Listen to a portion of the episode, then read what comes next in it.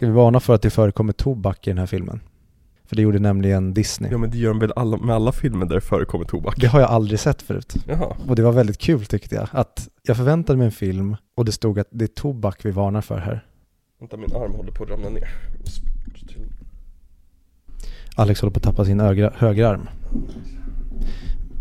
Nu sitter den bättre. Nu har Alex skrapat bort att det varnas för tobak Ja. på min tv-skärm. Exakt, jag tog min kniv och bara liksom Så nu så kommer du aldrig kunna, även när du ser Iron Man så kommer det inte stå Bra, för Ja. det störde mig väldigt mycket. Jag blev väldigt orolig för vad är det här för film? mm. Röker de tobak? Det låter inget bra. Jazztobak kanske? Droger? Nej, det varnade de ju inte för så jag var inte redo för det. Mm. Jag sitter här just nu och är lite tårögd För jag har precis fått reda på en väldigt hemsk sak Usch då. Ja Min pojkvän Viktor Landegren Har förlovat sig Jag tänkte först applådera men det kan jag inte göra för det är jag själv som har gjort det. Ja verkligen, grattis Viktor! Thank you very much. Vad glad jag blev Var det roligt? Ja Jag blev väldigt glad över att du blev väldigt glad. Ja, vad bra För jag är väldigt glad. Det hoppas jag verkligen att du är, för det var ju du som friade Mm. Och jag skulle kunna dra klyschan om att eh, jag är nu infångad i kvinnofällan tänkte jag säga. Jag är nu eh, inlurad av en kvinna i förhållande och eh, framöver blir det nog även giftermål och sen så skjuter jag mig. mm. Men det kommer jag inte säga. Nej, Utan jag är bara väldigt, väldigt genuint glad. det är bara någonting du tänker Precis, det är bara tankar. Du och Becka tänkte ju, och Becka kan ju tyvärr inte vara med idag eh, Men du och Becka tänkte ju spring det här på mig under inspelningen först Mhm. Jag är bara glad över att ni inte gjorde det, för då hade vi, med tanke på min reaktion så hade vi varit tvungna att bryta inspelningen För jag, jag började böla eh, Jag är väldigt blödig av mig, okej? Jag, jag blev väldigt glad av kärlek och det är en av anledningarna för jag tycker så mycket om veckans film Boom. Boom! Snygg övergång. Ja verkligen, jag är mästaren på övergångar Så välkomna tillbaka allihopa till audio videoklubben Jag är så jävla irriterad på mig själv. Jaha. För jag gick och sjöng på den eh, vin- melodin som jag skulle ha idag och sjöng hur jag skulle sjunga det. Jaha, Men nu har jag glömt bort det igen. ja okej Och då ska vi se, vad kan jag dra det? Jag ska se om jag kan gå tillbaka och hitta vad det är för någonting. Audio videoklubben podcast Det, ja, den skulle jag kunna köra, men jag, jag skulle också kunna köra bara Audio videoklubben podcast. Mm, så kan vi också göra Det är en väldigt bra podcast. Men nu är det dags att prata om, att prata om snusk och naket. Nej, inte naket. no. Men snusk och tobak. Ja, det är videoklubben en väldigt bra podcast. Ja, nej men det är, det är en applåd på det Thank you very much. Mm. Thank you very much. äh, För idag, den här veckan ska vi då prata vidare om Baz Luhrmann Och nu har vi kommit till hans tredje film Mm. Som också är nog hans eh, största film Ska vi Ja, säga Om inte väl- Elvis blir större Precis, för den... eh, Den går som tåget Den verkar rocka. Åh, Vi måste se den snart Mm. Ja, Det på bio tycker jag verkligen, ja absolut. mm. Och jag Becka var också sugen på att se den. Mm. Ska vi köra den i helgen kanske? Nej, jag vill, vänta, jag vill inte se den förrän jag har sett Australia och Great Gatsby. Ja, förvisso kanske Måste ha dem färskt i minnet för att Ja kliva in med allt. Gud, det, det är bara tre filmer kvar Mm? Det är en väldigt kort serie det här. Jag tänkte först föreslå idag så här, men ska vi klämma in kanske ett avsnitt om, om The Get Down? Men sen tänkte jag, nej jag kommer inte orka se en hel säsong av en tv-serie. Nej, vi Nej. skulle eventuellt bara kunna kolla in trailers, kanske reaktioner och sånt, se Ja. vad det är för någonting. Kanske eventuellt se ett första avsnitt bara för att få en feeling om det. Det jag fick höra, eller jag gick in på Wikipedia-sidan Mm. läste lite grann om den. Och nu, nu hoppar vi vilt i tiden här för det här är ju efter Great Gatsby. Men jag såg att berättarrösten i den är David Diggs. Mhm. Han spelar Lafayette i Hamilton. Mhm. Och han, och berättarrösten rappar. Mhm. Och då kände jag, fan vad kul, nu blev jag intresserad av att se det här. Och sen så läste jag att allt rappande är dubbat av eh, rapparen Nas, så David Diggs rappar inte. Och då kände jag, varför anställer du David Diggs om inte han får rappa?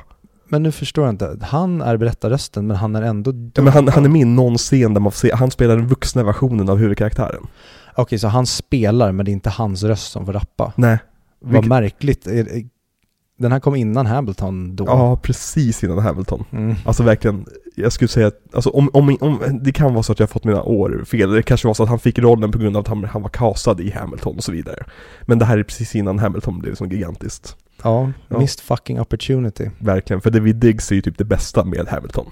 Han är ruggigt jävla bra. Ja, och han, det är också så jävla bra roll han får spela. De här Mm. du, dubbla rollerna med som Lafayette och Jefferson. Mm. Och Jefferson är ju min, liksom, den, den största tänkaren i världshistorien enligt mig. Så det blir, som, blir ännu roligare. Eh, liksom, att, att den rollen blev så kul. Vad har han gjort sen Hamilton? Eh, Thomas Jefferson, han skrev eh, The Declaration of Independence bland annat. Eh, han Alltså hade, efter Hamilton? Ja men precis, efter Hamilton, nej i och för sig det är innan, det är ju 1776, det är ju när Hamilton börjar. Eh, han blev president, eh, väldigt illa omtyckt president, men han var också den presidenten som köpte Louisiana av eh, Frankrike. Eh, han jagade Aaron Burr genom hela landet egentligen, efter... Har jag berättat för dig någon gång vad Aaron Burr gjorde efter musikalen tar slut? Nej. Han försökte ju åka till, han försökte ju ska, skapa revolution i USA. Så han gjorde ju massa konstiga deals med så här engelsmännen, sen spanjorerna och fransmännen och grejer. Och sen åkte han till Spanien och skulle bli kung Alright. över spanjorerna. Eh, för han tyckte ju de, här smutsiga människorna, de behöver någon vit person som kommer och styr upp här. Eh, Aaron och sen så eh, eh, var han i olika förhållanden med gamla rika kvinnor. För att de skulle dö skulle han ärva pengarna. Så han blåste jättemånga. Men till slut åkte han fast för det. Och blev eh, tagen till domstol. Åklagarsidans huvudadvokat är Philip Hamilton. Alltså eh, Det låter ju. Hamiltons, eh, en av hans yngre söner. Mm. Han döpte ju alla sina son, söner till Philip. Det, han hade typ sju. Jaha. Ja. Märkligt. Ja. Varför just Philip? Det är namn han tyckte om. Den första Philip dog ju. Behöver han en ny? ja, det, det, det är nästan så att man skulle kunna göra en, en till uppföljare på Hamilton med bara den storyn. Verkligen. För det finns så mycket där hämt och hans dotter dog, eh, Theodosia. Hon dog ju på en resa mellan eh, England och USA till exempel, ske- skeppet förliste. Mhm. Och det är sånt där. Så, mm. Ja, om eh, Lin-Manuel Miranda skulle få till det han gjorde och inte det han sen har gjort i film så eh, go for it. Ja, alltså, han kanske är mycket bättre på att reg- regissera på scen, Mm. tänker jag. Ja, det är det enda vi kan, den slutsatsen kan vi dra Mm. utifrån där han befinner sig nu. Ut efter Tick Tick Boom. Men han säger, jag tyckte inte att, du har inte sett In the Heights va? Nej. Det är inte han som regisserat den, men det är ju han som har skrivit liksom, musikalen från första början. Mhm. Eh, och jag tyckte inte den hade lika bra låtar och så vidare, men det är också hans första musikal. Så det kanske är liksom, jag kanske dömer honom orättvist. Ja, och förmodligen så kommer väl Hamilton att vara hans magnum opus. Ja. Och precis som att Moulin Rouge kanske är eh, Baz Luhrmanns magnum opus. Eller? Eller? Det återstår att se. För eh, den här går ju, den går ju jämföras med Sagan om Konungens återkomst för att det är också den tredje filmen i en trilogi. Jag har aldrig hört någon jämföra den här med Sagan, Sagan om Konungens återkomst, men shoot your shot. Och det var där min jämförelse med Sagan om Konungens återkomst slutade. Ja. Eh, för han har ju hittills gjort eh, Strictly Ballroom, Mm. som vi bägge tyckte väldigt mycket om. Mm. Men vi tyckte inte, vi, vi, vi störde oss väldigt mycket på tonändringarna i den. ja. Att den hoppade fram och tillbaka mellan två olika toner. Mm. Och vi tyckte om det galna i den. Men det seriösa tyckte vi så här, men varför behövs det här ens egentligen? Och det är Ja. lite grann samma sak med Romeo och Julia. Att liksom, vi har sett den här filmen där, där alla de här galenskaperna, det var ju underbart att se. Mm. Och sen blev det en väldigt standardfilm, eh, övriga scener. Som sen drogs ner av liksom Shakespeare-manuset och så vidare, som vi var inne på förra veckan. Ja, och även så blir det, för det, det funkade framförallt inte för mig i Romeo och Julia, Mm. den här tonskiftningen. Och när det blev så seriöst, för Mm. jag tycker att det fanns mindre, diskrepansen mellan tonerna var mindre i Strictly Ballroom, Mm. men i Romeo och Julia drog man ut galenskapen ännu mer Mm. och man gjorde det ännu mer allvarligt och romantiskt när det var i den riktningen. Man, man drog ut dem på olika sidor. ja, och det funkade liksom. ännu sämre för mig. Mm, verkligen. Och därför var jag lite nervös över hur ska det bli den tredje Red Curtain-filmen? Mm. Vad kommer det här att vara för någonting? Exakt. Och jag var också väldigt nervös för förra gången jag såg den. eh, För ganska precis i februari 2021. Då såg jag den med mitt ex. Och jag minns att de senaste gångerna jag sett den har jag blivit mer och mer irriterad på filmen. Hur otroligt stressig den är. Mm. Och hur, just hur galen den är. Att den inte låter den andas typ under första halvtimmen. Mm. Men i och med att vi hade haft de reaktioner vi hade haft tidigare på Strictly Ballroom och Romeo och Julia, så kände jag att är det här gången som jag kommer re- kunna reclaima den Mm. med kontexten? Och det är det jag tycker är så kul med den här podcastserien. Att liksom en film som, jag har, som har börjat falla för mig, eh, var jag helt plötsligt pepp, peppad på. För att nu, nu har jag en annan, nu vill jag, jag vill ha någonting annat från filmen Mm. än vad jag velat ha från den tidigare. Och det jag var väldigt, det var väldigt kul. Jag såg den igår, jag hade dejt över. Eh, dejt gick bra i, i övrigt. Tack för att du frågar. Eh, men eh, filmen i sig, alltså det är verkligen, det, var en, det, det är en perfekt dejtfilm. På så många sätt. Mm. Och det är verkligen så här, det är musikal som man kan sitta och sjunga med och man, liksom, det, det, man, man har roligt med den, man kan skratta åt den, man kan skratta med den. Och så slutar den väldigt tragiskt och det är väldigt sorgligt, man sitter och bölar tillsammans. Och det, det är en jättebra dejtfilm verkligen. Det sa ju du också om eh, Strictly Ballroom, Mm. att det var en bra dejtfilm. Och eh, det håller jag med om. Mm. Och eh, frågan är ju om jag håller med om det här och vad jag tycker om den här filmen. Mm. Vad tror du att jag tycker om den här? Jag har ingen aning. Det är verkligen, det kan svinga hur som helst åt dig. Det här kan antingen vara en film du stör dig på rakt igenom som sätter 1 av 5 på. Men det kan också vara en film där du bara kände att, äh fy fan vad roligt det här var. Mm. Och, eh, It is the ladder. Jag jag tyckte- älskade den här filmen. Fan vad kul! Det var Mm. precis det här jag ville med den här miniserien. Den var helt jävla fantastisk. Visst är den underbar? Nu har han försökt två gånger Ja. och inte fått till det. Och tredje gången gilt och då bara skjuter han precis skarpt, exakt mitt i prick. Ja men det, jag kände verkligen den här gången att Tack Bass, Mm. för att du, du fattade vad du behövde göra. Och det är verkligen, du, du lämnade det här eh, det, Nu ska jag säga, den här filmen är ju väldigt cheesy också, liksom väldigt allvarlig ibland också. Men du lämnade det här överseriösa bakom dig och gick på dina styrkor. Mm. Och det är verkligen, det, det är som att Det är som en omvänd Hobbit Lord of the Rings situation. Mm. Att det är som så här, om Hobbit hade kommit först, då hade man tänkt att ah, men, okej jag ser vad du försöker göra, men lämna CGI-skiten bakom dig, fokusera på det fysiska och praktiska, för det gjorde du jättebra Peter Jackson. Mm. Och sen så liksom kommer han med Lord of the Rings och bara, ja men okej, du vill ha det fysiska, här, jag ger dig det fysiska. Mm.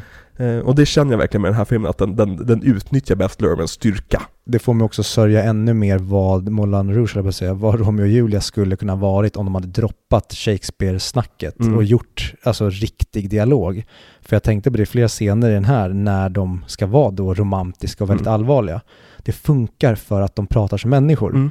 och för att han hela tiden verkar det är nästan som att han spänner bågen och håller sig. Okej, nu, nu är det suspens i form av romans och att det blir cheesy fast nu känns det som att han tar sig själv på stort allvar. Så Mm. drar han ut bågen, drar ut bågen och sen släpper han pilen och skjuter rakt in i humorträsket och Mm. larvar till det.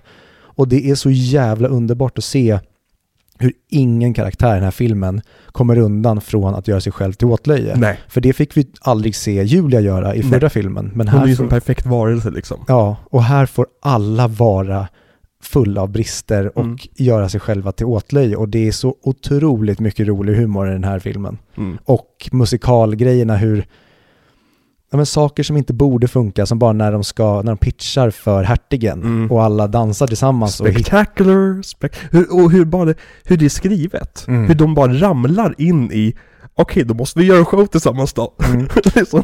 Det är så jävla bra. Alltså Ja. den, och den har så många lager, för man tänker knappt, det, det nämner de en gång tror jag i hela filmen, Mm. att då hon går från att vara hora Mm. till att nu ska du bli en actress. Mm. Och den grejen är också jättefin, Mm. hur, ja men hertigen är ju inte pure evil. Han Nej. kommer hit för att göra gott. Mm. Det är bara att han har jävligt mycket tveksamma grejer också. Exakt. Precis som, ja men, egentligen alla karaktärer, ta bara eh, Jim Bredbent, alltså hans Mm. karaktär, vad heter han? Jag vill säga Lizard, men det heter han inte. Han heter, Ehm, Åh gud. ja det står still nu. Ja.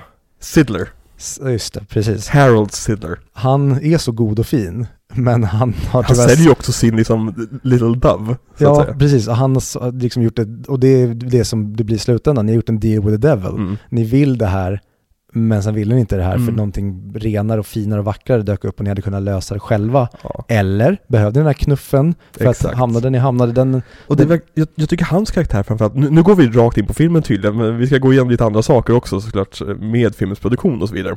Men just hans karaktär, jag tycker den är så fin. Just för att han, det är, man skulle kunnat vrida honom till att vara en mörk karaktär. Mm. Att han, han är lika ond som The Duke. För han försöker sälja det som sitt barn, ish, liksom. Mm. Men han, han rår ju så mycket om henne. Och, Väldigt och alla som jobbar på det här stället. Mm. Och liksom, det, det, det, är så, det är så lätt väg för oss att gå och tänka att ja, men prostitution, det är bara dåligt. Det är, som, det, det är mörker, det, är, Mm. det är hemskheter, det är, det är eh, förstörda liv. Vilket det mångt och mycket är. Men den här filmen fokuserar också på glädjen i den här liksom, vänskapssfären. Den här Mm. bohemiska känslan. Och det tycker jag verkligen Sidler få- fångar perfekt. Ja, Jim Broadbent är så jävla bra. Mm. Kul var att eh, han vann ju Oscar samma år. Exakt, för en annan film. Mm. Mm. Vilket också är så jäkla kul att, för att han är svinbra i den här. Mm. Och så här, ja men fan du blev belönad för någonting annat men du var typ, kanske inte värd en Oscar men du ska definitivt vara där uppe som en bubblare i nomineringarna Mm. för hans insats. För att han är så jäkla bra som en skurk men också en så fin fadersfigur. Mm. Och han är så jävla rolig i Ja. typ varenda scen. Verkligen, och han, hans energi, och när han när han kommer in i rummet i elefanten när alla är där uppe Mm. och han som så ska komma dit för att rädda situationen och hon börjar prata så här, Vi är här för att öva pjäsen, eller hur? Pjäsen? Pjäsen! han, är som, han man märker att han, han, han, han har ju också stått på scenen, Mm. den här karaktären antagligen Han har ju varit en skådespelare med ambitioner också liksom Mm. men han, nu använder han det istället för att vara den här som Now we should dan- dance the hunka dunka liksom ja, Från den här som cirkusmästare liksom Mm. det, det är fantastiskt bra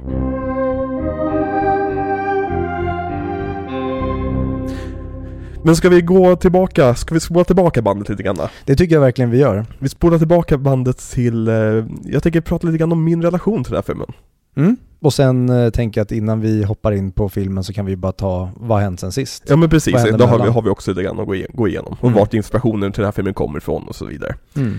Eh, men min relation till den här filmen började på ett väldigt speciellt sätt. I det att jag satt hemma en dag, eh, året måste varit, ja men det måste varit typ hösten 2021. Satt hemma hos farsan vid datorn, hade ingenting att göra. Kollade lite i skåpen. Vänta, sa du 2021? Nej, 2001 menar jag. ja precis, jag, jag såg den första gången förra året. Eh, nej men, eh, jag satt hemma hos farsan, hade ingenting att göra, kollade igenom skåpen där vid datorn liksom. Vi hade ju så här datorbord, du vet, med massvis av skåp på väggarna och grejer. Mm. Och så längst in i ett av de här skåpen, gömt bakom lite, lite skivor och så vidare, tar fram en, en, en singel. Med Christina Aguilera och Lil Kim hette hon va? Ja, jag tror hon är med. Och ja, olika personer. Så, så, så väldigt lättklädda ut här. Eh, och det, den här låten, Lady Marmalade, okej, ja men den känner jag igen, den har jag hört på radio liksom. Mm. Och så stod det att det fanns musikvideo på den. Hmm. Stoppa in i datorn, tio år gammal, slå på musikvideon. And uh, you were never the same. Nej men det, det är verkligen, jag insåg det här, alltså nu när jag satt och tänkte på det som så här, vart det här kommer ifrån. Alltså det finns så mycket som kan förklaras genom att det var just där det började någonstans. Och det jag insett i efterhand, det var ju, det är ju brorsan som har köpt den och gömt den liksom. Han, Bakom. han ville skydda dig, eller var det från din farsa han ville gömma den? Jag tror han vill göra, det kan säkert Kristoffer svara på själv, för han, han lyssnar ju på den här podcasten, säger han i alla fall. Vi, vi väljer den fina vägen att du ville skydda Alex. Exakt, mot he- hemskheten. Mm. Nej men så var det verkligen så här. jag älskar estetiken här. Alltså, först, alltså utöver att jag blev kåt och de var snygga och de dansade lättklätt liksom, så var det som så här, vad fan är det här för något? Det här ser ju otroligt ut. Och så bara, ja men okej, det är från filmen Mona Rouge.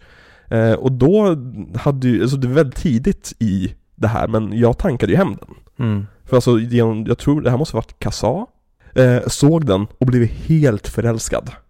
Jag tror det här var den första musikalen, alltså som jag verkligen kan minnas förutom typ så Sound of Music när jag var liten. Mm. Som verkligen var så här, vad är det här för något? Och den var så unik och rapp och liksom, den hade en sån speciell ton i sig. Att jag blev helt fångad. Jag lyssnade på det här soundtracket i alltså flera år efteråt. Och gick runt och sjöng och, Mm. Och jag tror Det var också, jag var väldigt glad för det, men jag tror att vid en annan tidpunkt, eller bara hade den här filmen inte flugit lika bra som Mm. den gjorde för mig, då hade jag kunnat störa mig väldigt mycket på att det är låtar vi redan är så himla familjära Mm. med, som används i filmen. Precis. Men de gjorde så otroligt mycket roligt med det och Mm. att Baz Luhrmann verkligen inte, han gömmer inte på något sätt, utan det är Nej. verkligen, den här låten älskar jag, mm. den tar vi med. Den här låten Precis. älskar jag, den tar vi med. Och det, det är liksom förpackas ju så snyggt i Love Medlit. Mm. Eh, Alla som har hört på Noipod, de har ju kört den live någon gång va? När de satt i bilen. Ja då. Jag har för mig att de sjöng den tillsammans. Mhm. Ja. Jag tror det var ett återkommande skämt i Noipod med just Love Medlit. Mhm. Har för mig. Eh, Men det här är ju en jukebox-musikal ju, som det kallas. Alltså, Vad betyder det? Jukebox-musikal betyder att det är som, det är låtar, alltså det är ingen musikal som är skriven, alltså med låtarna in mind, Mm. utan man tar kända låtar och klämmer ihop det. Och om man kollar på liksom mängden jukebox-musikaler innan den här filmen, Mm. och mängden efter den här filmen, så kan man säga att den här filmen startade någonting. För efter, alltså det, jag kollade på liksom, det hade kommit typ såhär, åtta stycken under alla år innan den här filmen, och efteråt har det kommit typ såhär 20 stycken bara under de fem första åren efteråt liksom. Eh, och det är väldigt stort med jukebox-musikaler nu. Det har ju kommit en om Ja men Whitney Houston som heter The Bodyguard och det är som eh, Ja, det är Bee Gees och liksom Alla artister har ju fått sin egen musikal nästan med låtar samlade från deras verk. Är Chicago... Nej, det är, det är en originalmusikal. Ah, Okej, för jag har eh, ofta blandat ihop de två. Mm. Och jag tänkte, eh, jag vet inte om det är för att jag vet att John C. Reilly är med i Chicago, men jag tänkte att John C. Reilly hade typ kunnat spela Jim Broadbents karaktär. Verkligen. Han skulle lätt kunna vara med i den här filmen. Mm. Han, han har verkligen det här ansiktet som passar hemma i den här liksom, nästan cirkusvärlden. Han hade typ kunnat spela Toulouse. Att de bara gjorde honom till en dvärg, för han ser ut att kunna vara något leprechaun-aktigt. Ja, verkligen. Toulouse är en riktig karaktär. En riktig person. Mhm. Eh, Toulouse, eh, vad fan heter han? Han har ett långt jävla namn. Letrec. Ja, de säger det en gång i filmen, Ja. alla hans namn. Och sen kallar de bara Toulouse. Nej men han, han är ju en känd konstnär. Mhm. Från just Bohem-tiden i Frankrike. Och han var dvärg. Ja. Man säger inte kort, man säger, nej, man säger inte dvärg längre. Man säger minderväxt. Gör man det? nej, det, men det är vårt ord för det. Vad säger man? Kortväxt? Kortväxt. Nej. Det, Ha- Hard of height. hade jag varit dvärg, då hade jag såklart velat bli kallad för dvärg. För att jag ville bli kallad för samma sak som Gimli. Ja men och- det här är ju en annan konversation egentligen. Om vi, om, okej, vi går ner i det här träsket. Sure. Sagoväsenen som heter dvärgar. Ska man sluta kalla dem för dvärgar också? För blir inte det lite grann att säga att ni är sagoväsenen? Om vi ska applicera samma typ av empatiska omskrivning på dem som vi gör på er. Förstår du vad jag menar? Nej, för det är väl det man har gjort. Alltså, det, det är därför det kallas för dvärg. Jo precis, men, men, men om vi separerar det, det är det vi försöker göra lite grann. va? Att få bort att liksom kortväxta är sagoväsen. Mm. Då borde vi väl ändå ha kvar det gamla ordet på sagoväsenen? Mm. Har man inte det? Det finns de som inte tycker det. Okej, men de kommer ju kallas för dwarves i Sagan om ringen-serien. Det återstår att se. Om, om de inte heter det. Jo, men vad fan, jag såg trailern häromdagen och då säger de... Säger de dwarfs? Ja. Okej, men då så. Ja, nej, men, Så jag, de måste ju ha kvar det. jag säger, det finns sådana åsikter. Rätt starkt. Ja, alltså vad fan. Världen är redan i... Den är så skruvad som den är, så kör på. Ja. Mm. Vad har du för relation till den här filmen? Ingen alls mer än att jag såg musikvideon en gång på MTV och fick eh, boner alert och eh, det är väl typ det. Och sen har jag funderat lite på nu för att det här är en sån grej som swishade förbi när man började bli medveten om att oj, jag är mer än en pojke som bara vill titta på roliga program Mm. och spela roliga spel utan jag är satt på den här jorden för att reproducera mig själv. Och nu förstår jag var alla de här känslorna kommer ifrån, varför jag var kär i Meg i Hercules eller eh, andra, varf- Roxanne. ja, Roxanne, alltså, eller vad fan var det, vem var det mer jag tänkte på? Eh, Lola heter hon väl, Sprätt Ja, i precis, Space Jam. Alltså ja. varför, här, va, varför tycker du så mycket om de här? Och sen Mm. började jag förstå att, jaha, okej, för att de är tecknade varianter av det som du sen ska reproducera dig med då. Och Kaninmänniskor och så vidare. Precis. Så att jag har ju harar här ute i mitt område som jag brukar springa runt och jaga. Och vi lämnar det där. Ja. För när jag fångar dem, då blir det Space Jam fast en live action variant. Åh gud. När de drar ut så öronen blir långa.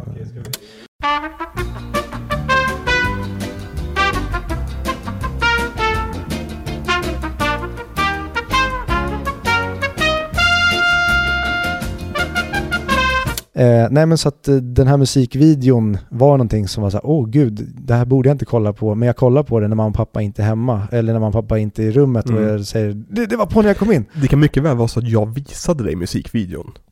Alltså någon Så gång när vi var hemma hos, hemma hos farsan eller något sånt där. Ja, absolut, så kan det definitivt ha varit, för det, det är ju Sagan om ringen-tider. Ja men precis, exakt. Mm. Ja men absolut. Och jag, vet, jag har också tänkt på till exempel här, varför är man skadad på vissa sätt. Jag vet att Turn Off Men hade en extremt dålig påverkan på mig som tonåring. att,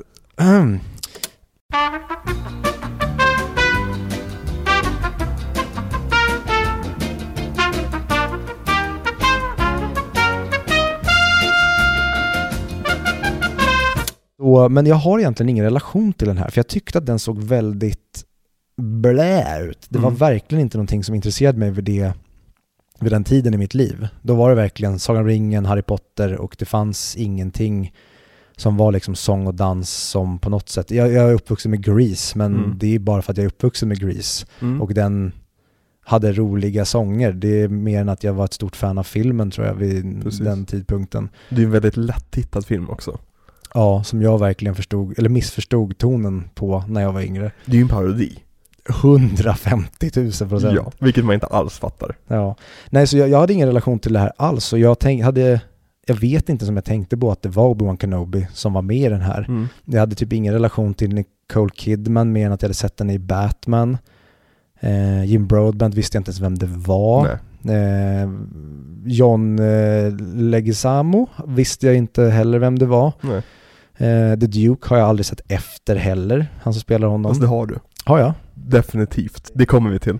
För, för mig, då ser han ut som han i Spin City. Eh, vad fan är han? han är Adam med, Rock. Han som också är med i Succession. nej, nej, nej. Ehm, nej, det är inte den. Vad fan heter den eh, sitcomen då? Han är även med i Grown-Ups tror jag. Ja, ja, David Spade. Mm, för jag tycker han är väldigt lik. Men den mustaschen också. Det, det, ja. Mm. Den som jag kanske hade mest eh, relation till här, det var ju eh, David Thewlis som är med i fem sekunder. Och helt omärkligt egentligen, om man inte tänker att det är David Thewlis. Ja, och då tänkte Fast- jag, vad kul att han är med. Det är David Wenham. David Wenham. Ja. Men jag blandar också alltid Men dem. nej, no, men då hade jag ingen, då var det ju fel. Då Mm. hade jag ingen relation till honom, för jag tänkte ju att eh, det var David Thewlis som är med i Dragonheart. Men det var ju inte Thewlis det. med i Dragonheart. Han spelar ju eh, unga prinsen. Jag, jag har inte sett Dragonheart på så länge. Men jag minns att vi såg den på din övervåning. Mm. Och gud vad jag älskade den. Och Sean Connery gör eh, Dracos röst. Och eh, Draco Malfoy. precis. David Thewlis sa du ju. Han, han är ju, spelar ju Lupin då. Ja, Och Sean Connery spelar Draco Malfoy. har, du, har du kollat på klipp från den, den filmen sen dess? ja. CGI är Mm. fantastisk. Men jag Ja. tänker också att den kan vara väldigt charmig i, i den filmen. För jag eh, vill minnas att den gjorde verkligen den här liksom, lite Dungeons and Dragons-aktiga riddarstilen Mm. rakt in i kaklet. Och just relationen mellan eh, Dennis Quaid och Just prinsen. det, David, Dennis Quaid spelar ju hjälten. Ja, han är ju Qui-Gon Jinn personen. Han känns inte som en medeltida person. Verkligen inte, när Han du säger det. väl, han, det känns som han, han, han är fast i 90-talet som bara snurrar runt om och om igen. När 99 händer då kommer vi tillbaka till 91. Där någonstans lever Dennis Quaid. Föräldrafällan. Ja men typ precis. Det är i och för sig typ 2000 har jag för mig. Är det? 97 Nej, jag tror kanske. det är 90-tal. Men jag minns att jag tyckte väldigt, väldigt mycket om relationen och vad som sker i den. Att Dennis Quaids karaktär eh, fostrar David Thewlis karaktär. Mm. Och du ska bli god och bra. Och så sker en olycka och han blir typ genomborrad av ett svärd. Mm. Och då ger draken en del av sitt hjärta till honom så han kan överleva. Och då, du måste vara god. Men så blir han den korrupta kungen. Och sen Aha. handlar det om att de ska på något sätt försöka, jag tror att till och med han börjar jaga draken och även Dennis Quaids karaktär och de ska på något sätt försöka vända honom samtidigt som de ska försöka göra att han blir god och så Ja. finns det någon kvinna med någon lite Marion-karaktär. Ja, någon urringning. Precis. Eh, med väldigt uppushad korsett vill jag minnas. Exakt. Ja, men det, det, det, det är typ det minnet jag har från filmen, att det var någon med tuttar med, Mm. ja. Och det såldes, det, eller det sålde filmer till pojkar också. Ja. Det var inte bara papporna som såg filmerna utan Nej. Vid en viss ålder så tyckte pojkarna att det var intressant också. Fan vilket törstigt avsnitt det här blev då. Mm. Ja, ja. Men, Men det kommer mer, vi ska snuska på tänkte jag säga, men Ja, inte men så va? snuskigt, men det kommer bli eh, tisigt, för Ja. det har den här filmen mycket av. Exakt, exakt. Men så, så egentligen under alla år så har du tänkt att så här, men det där är inte för mig. Ja, Mm. verkligen. Och jag har, Och med, med eh, Great Gatsby så har den hamnat ännu längre ner på listan med saker du bör se. den, den, den har bara aldrig, det, det har inte ens kommit en gnista när jag tänkt på den. Nej. Den har bara funnits där, okej det är Moulin Rouge, den, den finns där. Mm. Den är väl typ sådär tänkte jag. Och den är ju typ som jag har tänkt att den var, Mm. bara att jag inte trodde att jag skulle gilla det. Mm. Så det är väldigt kul att jag verkligen gillade den här och känner att gud den här filmen vill jag komma tillbaka till. Mm. För det har jag inte känt med varken Strictly Ballroom eller med Romeo och. Julia. Men det här är en så lätt tittad film också. Du kan bara slå på den och liksom mysa med den en stund liksom. Mm. Och här kommer ju allt det som, vi har redan nämnt det, men allt det som Baz Luhrmann testade och har försökt göra i de tidigare filmerna. Mm. Nu verkar han ha fått tillräckligt mycket budget, han har tillräckligt mycket kontroll, han verkar få tillräckligt mycket tid Mm. och fått vara tillräckligt galen. Mm. För att nu verkligen prickar han rätt med allting från, ja men tempot är någonting som bara för sig Mm. får filmen att funka. Att den hela tiden lever och rör på sig. Och jag tycker att det finns stunder där den lugnar ner sig. Mm. Men även där så har vi kul och den är så jävla gorgeous att titta på. Ja, men en sak som jag tänkte på den här gången, med den här hetsiga to- tonen, Mm. är det att den börjar otroligt lugnt. Med Christian som sitter och är liksom deppig på sängen. Mm. Och the woman I loved is dead. Mm. Och- Igen. Ja men precis, fan. Eh, nej men och så, sen så liksom, och sen så kommer det här att han, och jag ska skriva det här, det här, den här boken om, jag vill skriva om kärlek. Och där tar filmen en vändning. Men jag vet, ju ingenting om kärlek. Och så är det en zoom-in på honom helt plötsligt. Och Mm. sen ramlar det ner den narkoleptiska Argentina genom taket. Toulouse springer in som en, klädd som en nunna. Och där börjar, det är ju bara stress. Och stress och stress och stress. Och det bara byggs och byggs och byggs. De går in på Moulin Rouge där dansas, slängs saker och det är liksom, även under liksom Nicole Kidmans en- entréscen när hon ska liksom köra sitt nummer så är det fortfarande hetsigt Mm. liksom. Eh, liksom Diamonds are a girl's best friend och så vidare. Mm. Och så går han upp till elefanten med henne och det är som det är stressigt och hon håller på och skriker och ormar sig och grejer och vi kommer komma tillbaka till den scenen. Eh, och liksom det, det är bara jättemycket stress och sen så när han sjunger My gift is my song, bara PAM! Och du märker bara, du har sån kontroll över tempot här. Mm. Att det är som så här, det enda som kan få filmen att tystna är kärlek. Och det är Mm. så fint. Ja, och även där Mm. så är han straight up skamlös Mm. i att det här är väldigt klyschigt och nästan jag tänkte att men give me a fucking break att du använder liksom your song. Mhm. Men det blir så jävla bra. Han omfamnar klyscheten. Ja, hundra procent. Mm. Ja, jag vet inte, ska vi prata om den scenen nästan direkt? Vi, vi, kan, vi, kan, vi kan gå in på produktionen och vad som har hänt sen sist. Sure. Ja, har du någonting sen vad som har hänt sen sist? Nej, Nej. egentligen inte mer än att ehm, ja, Romeo och Julia blev en succé den också. Exakt. Och eh, Craig Pierce då som jag nämnde i Strictly Ballroom-avsnittet som Mm. är hans co-writer som skriver grejerna tillsammans med honom. Han, här märker man ju verkligen att han har ju typ bara, eller jag vet inte hur mycket bass, jag vet inte vad, hur fördelningen är Mm. mellan dem.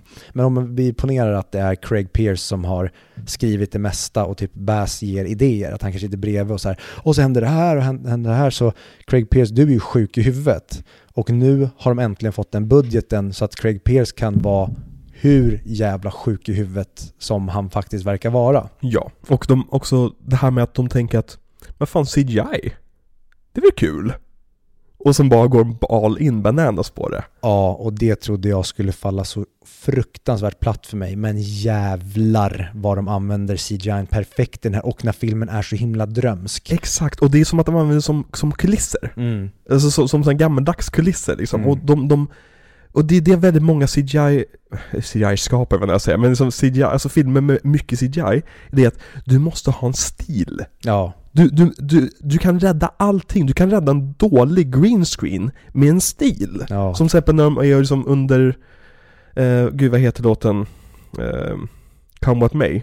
När man man ser dem ute på picknick. Mm. När, när eh, The Duke jagar en groda och de bara går bakom honom. Mhm. Det, det är ju praktiskt taget en stillbild bakom dem, liksom. Mm. Men det ser så bra ut för att det du har en visuell stil på det. Och det är verkligen, jag läste ju på lite grann om vad, vad som inspirerade dem till den här filmen. Och det var ju när de var i Indien. Och de gick på en, en visning av en Bollywoodfilm. Med 2000 indier i rummet. Och det var verkligen så här, de förstod inte ett ord. Men de förstod allt. ja. Och det var det de ville återskapa. De ville göra en Bollywoodfilm fast i Hollywood. Med den budgeten vi kan få till. Och det är så spännande det här med Bollywood. Alltså anledningen varför de sjunger så mycket Bollywoodfilmer. Det är ju för att det finns typ så fem olika officiella språk i Indien. Och det är så miljoner, miljarder människor i Indien som bor. Med olika kulturer och så vidare som inte kan prata med varandra. Mm. Men alla förstår sången som språk. Och kärleken som språk. Ja, det är så jävla coolt, för det pratade vi om i 100 mick också, där Mm. det var tre Bollywoodfilmer vill jag minnas. Mm. Ehm, att det är väldigt kul hur det funkar, att de använder, alltså de är, det är nästan som att de återberättar scenen typ tre gånger eller Mm. fyra gånger så att alla ska förstå på olika sätt och då är sång oftast kanske det första sättet Mm. och sen när sången är klar då berättar vi det på typ hindi och sen tar vi ett till språk bara så, Mm. så här, men är alla med nu? Och för mig, jag, jag tycker det är helt värdelöst att titta på men jag tycker det är en väldigt fin grej som en, som en sammanflätare. Mm. Så jag, jag förstår verkligen charmen i det, men det är verkligen ingenting som jag tycker om att titta på. Nej. Och de Bollywoodfilmer som jag har sett är så jävla långa och det Mm. är ju mycket på grund av att, jo men det är för att ni ska dra igenom allting 71 gånger. Precis, precis. Och det, det tycker jag verkligen den här filmen lyckas med. Alltså om man inte hade förstått engelska så kan man fortfarande se den här filmen och förstå varenda liten sak. Mm.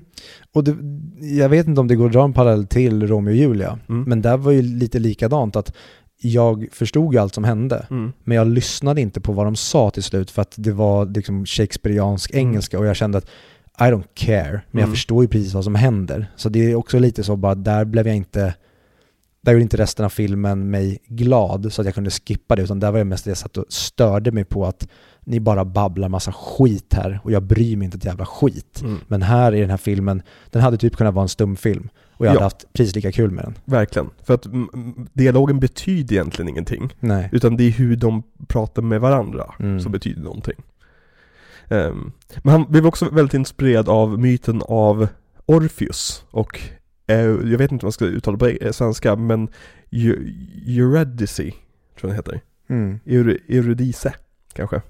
Ja, så borde det vara svenska. Ja, precis. Som är då den här, kan du myten? Nej, jag bara läste det här inför. Okej, nej för att det det är egentligen en myt om Orpheus, han är ju eh, världens största rockartist liksom i antikens Grekland. Går runt med sin luta och får hur mycket fitta som helst liksom. Um, och en dag träffar han den här eh, vackra eh, Eurydice kan vi kalla henne, säger vi. Eh, som han då blir kär i och de blir förälskade och allt sånt där är jättebra. Men Hades, han ser också Eurydice. Hmm, jag vill ha henne som min fru.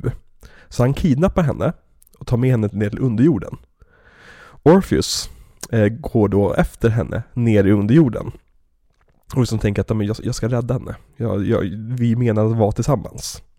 Så han följer efter henne ner i underjorden och går ner där och spelar någon, någon häftig låt för Hades, typ så här, mm, Africa by Toto liksom. Hades fru blir så berörd. Man kan undra varför hans fru blir berörd. det, som, det är en till tjej där, men skitsamma. Ehm, um, Hades fru blir så berörd av, av Orpheus vackra spelande på, på eh, lutan. Att eh, uh, hon säger, ja men skicka med henne upp igen. Med, med Orpheus. Säger Hades, okej visst, hon får följa med dig. Men, på ett villkor. Hon kommer gå bakom dig hela vägen upp ur Hades. För stället heter ju också Hades. Det måste vara väldigt förvirrande att bo nere i Hades. Vart ska du? Eh, Jag ska till Hades. Mannen eller, platsen? Bägge. Alla går hem till honom. Exakt. Um, och hon, hon kommer följa efter dig, men hon kommer inte göra ett enda ljud bakom dig. Och om du vänder dig om, då kommer hon vara kvar här nere för alltid. Orpheus säger, ja men det är inga, det är inga konstigheter. Hon går och spelar på sin luta på vägen upp, spelar en häftig, häftig låt. Your Song av Elton John. Ehm, Men sen så efter ett tag så blir han orolig för han, han hör ju henne inte bakom sig. Även fast det, han har fått förklart för sig att hon, hon kommer vara bakom dig. Mm. Så blir han orolig och när de nästan har kommit fram till utgången så vänder han sig om och kollar på henne. Och då ser han henne flyga bakåt ner tillbaka igen, igen i Hades. Och han blir så ledsen att hans musik får kvinnor att få missfall och grödor eh, sluta växa. Och till slut så eh, kommer det ett gäng, jag tror det är beskrivet som ett, ett gäng irriterande kvinnor, irriterade kvinnor och slänger honom och lutan i havet och sen är myten slut. Den filmen hade jag också velat se. Ja, Alltså typ i en tecknad Hercules-stil hade det kunnat vara kul. För det finns ju en del likheter. Precis, exakt. Det, det är en väldigt återanvänd story liksom. Och, och med, som, med, om man ska applicera den på den här filmen då. Liksom, vem Orpheus är, det vet man alltså det, det är ju Christian. Och Eurydice, det är ju liksom Satin. Och Hades, det är ju Mona Rouge. Liksom, hans, hans fel är ju när han han ska försöka komma in tillbaka och rädda henne. Mm. Och han är på väg ut för att komma bort och all, allt sånt där, men sen vänder han sig om och där blir det katastrof liksom. Inte riktigt en one-to-one comparison i och med att hon är sjuk. Eh, snarare att hon blir skjuten typ. Mm. Ehm, För det tänkte jag Ja. på mm, med sjukdomen. mm, Ha, det- för mig är det att det hade varit mycket mer starkt för mig om hertigen hade dödat henne. mm. För nu känns det bara som att det var typ ingens fel. Ja, men det, det är lite, lite, där tycker jag det är lite av en så här att han inte vågade. Mm. Han, han ville ha ett, ett glatt slut ändå, trots att hon dör. Och hade det varit ett mord, vad har hon för, hon är consumption, vad heter det på svenska? Tuberkulos. Tuberkulos, ja. Ja. precis. Jag minns när den kom så, sna- så snackade alla om att hon hade fått aids. Men, men det är såhär, det, ja det är ju 80 år för tidigt liksom, för att få aids. För, men det är mest för att hon är prost- prostituerad. Mm. Så det är egentligen vad jag har läst på om eh, produktionen. Utöver att produktionen drog, drog tydligen ut på tiden väldigt mycket. Och nästa film skulle spelas in i studion var Attack of the Clones. Mm. Det var väldigt kul för Ewan McGregor att en dag bara sluta vara Christian och nästa dag var Obi-Wan Kenobi. Hello there. Men det förklarar också varför eh, hans skägg ser så annorlunda ut tror jag. I, eh, I Attack of the Clones. För att de var tvungna att göra reshoots av Mona Rouge under inspelningen av Attack of the Clones. Och då var han tvungen att raka sig. Mm. Så jag tror att det är anledningen. Och med Hollywood brukar det vara så att de som signar först får liksom första tjing på utseende. Mm. Ehm, ja. Men han ser så annorlunda ut de två olika filmerna. Ja, och han ser så jävla mycket yngre ut här. De har Ja. verkligen fått till åldern på honom i Attack of the Clones tycker jag.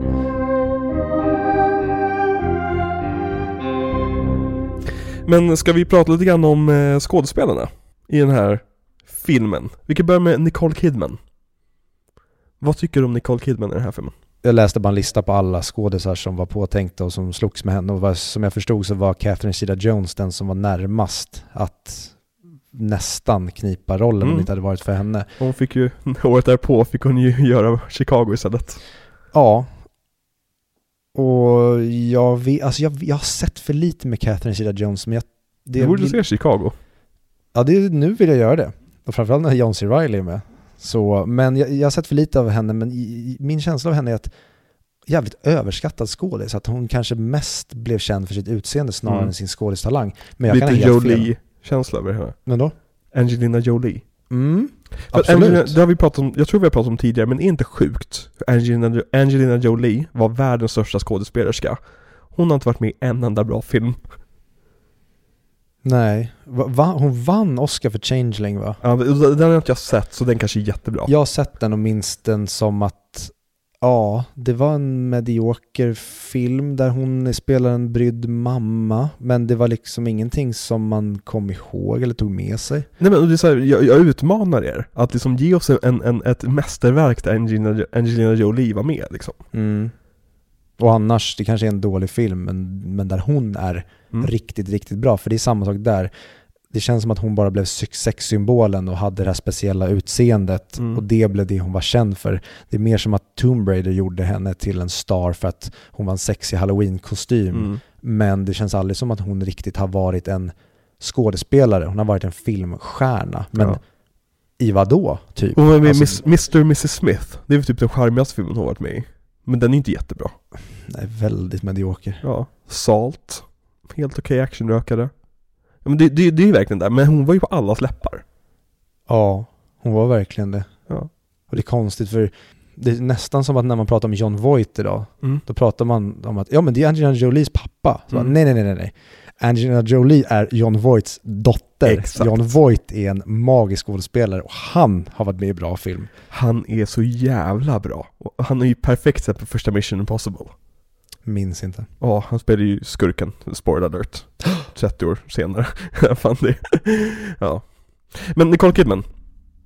Hon är ju en australiensisk skådespelare. Mm. Eh, som väldigt många som jobbar på den här filmen. Och Baz Luhrmann gillar ju att ha australiensare och nyzeeländare med i sina filmer. Som väldigt många från det området. Antagligen som för att boosta den egna industrin liksom. Peter Jackson är ju känd för det till exempel. Mm. Men hennes stora genombrott var ju Days of Thunder, som är en Nascar-film. Har du sett den? Nej, men det var där de träffade Tompa. Det borde det ha varit. Ja, ja men det, de gifte sig 1990, den kom 1990. Ja, Det är hennes första stora Hollywoodfilm. Ja men då så. Ja. Han snatchade upp henne på en gång. Det så här, åh, en, en, en, en, ny snygg blondin här i Hollywood. Det henne tar jag. De kanske borde hitta tillbaka till varandra nu när båda är sönderopererade. Ja men verkligen. Men hon fick så också rollen som eh, i Batman Forever. Som Dr. Chase Meridian, som är en bedrövlig rollinsats. Mm. Och där också tillbaka till, alltså en unga pojkar ska inte se det för hon var alldeles för sexual för vårt egna bästa. Men hon var ju bara kåt i den filmen. Ja, och Hennes det, enda roll är att vara kåt på Batman.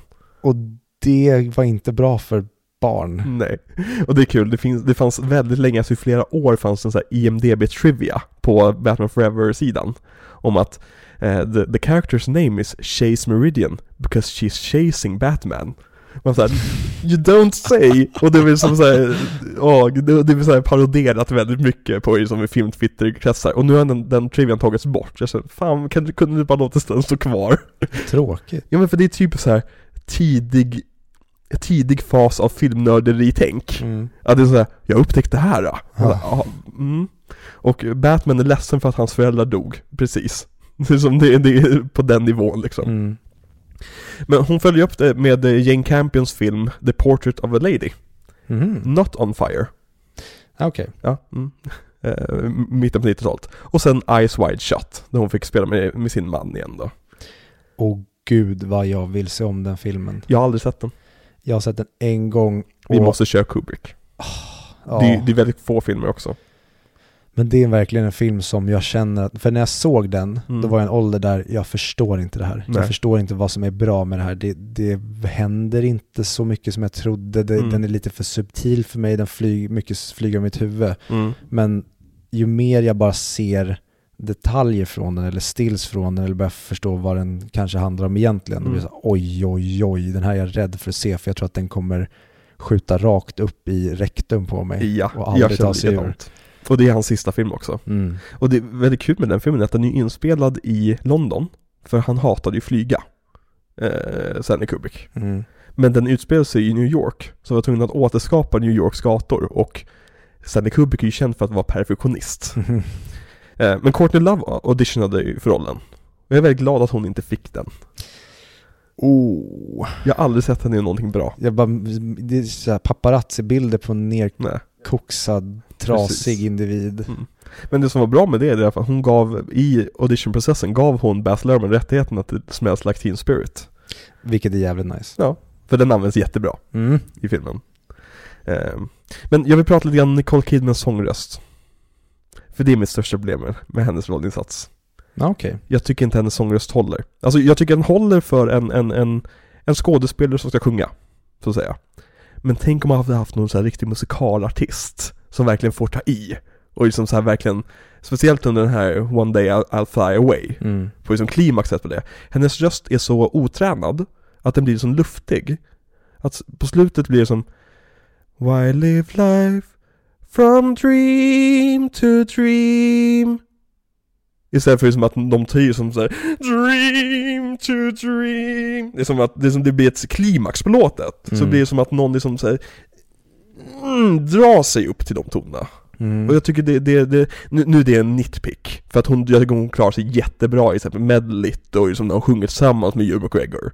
Men just den, den, den låten sätter verkligen en så här på liksom, aha, det är ett problem jag har med henne. Mm. Och det är jättesvårt det där hur, ska du, för nu är hon grym skådespelarmässigt Mm. men hon kanske inte håller sångröstmässigt.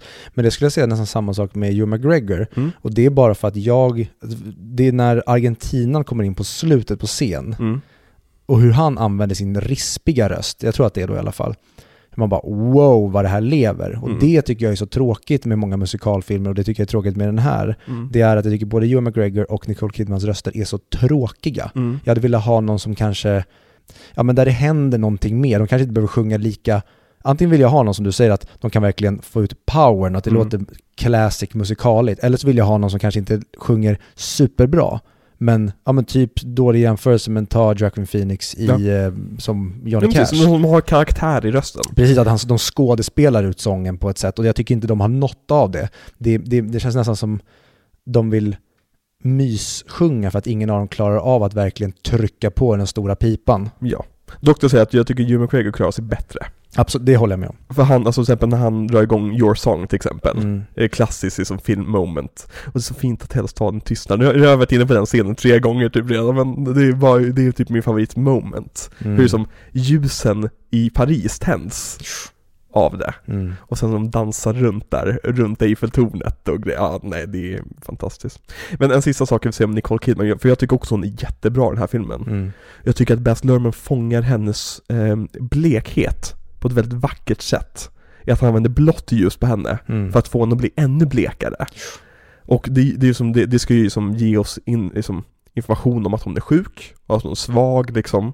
Men det gör också att hon är så fruktansvärt vacker i den här filmen. Och hennes liksom skarpa haka och liksom hennes liksom tydliga former i ansiktet kommer verkligen fram av Baz Luhrmanns ljussättning på det här. Mm. Och hon känns nästan lite väsenaktig när hon blir blå. Det Ja. känns som att hon nästan är någon slags dark angel. Mm. Och jag tycker de får till, jag vet inte hur mycket det ens fick, finns en referens eller en tanke på det, Mm. men hon känns väldigt Jessica Rabbitig Mm. i den här. Att de får verkligen till att hon är inte bara vacker, utan hon är också sexig. Mm. För att någon av dem hade kunnat fejla och då hade det kanske fallit platt. Men nu är det, hon är verkligen som den här gudinnan i Mm. filmen som hela jävla Moulin Rouge bara står och... Exakt, och bara slänger diamanter efter henne Ja. liksom. Och om ni vill höra oss prata mer om Jessica Rabbit och Who Framed Roger Rabbit så kan ju bli Patreon.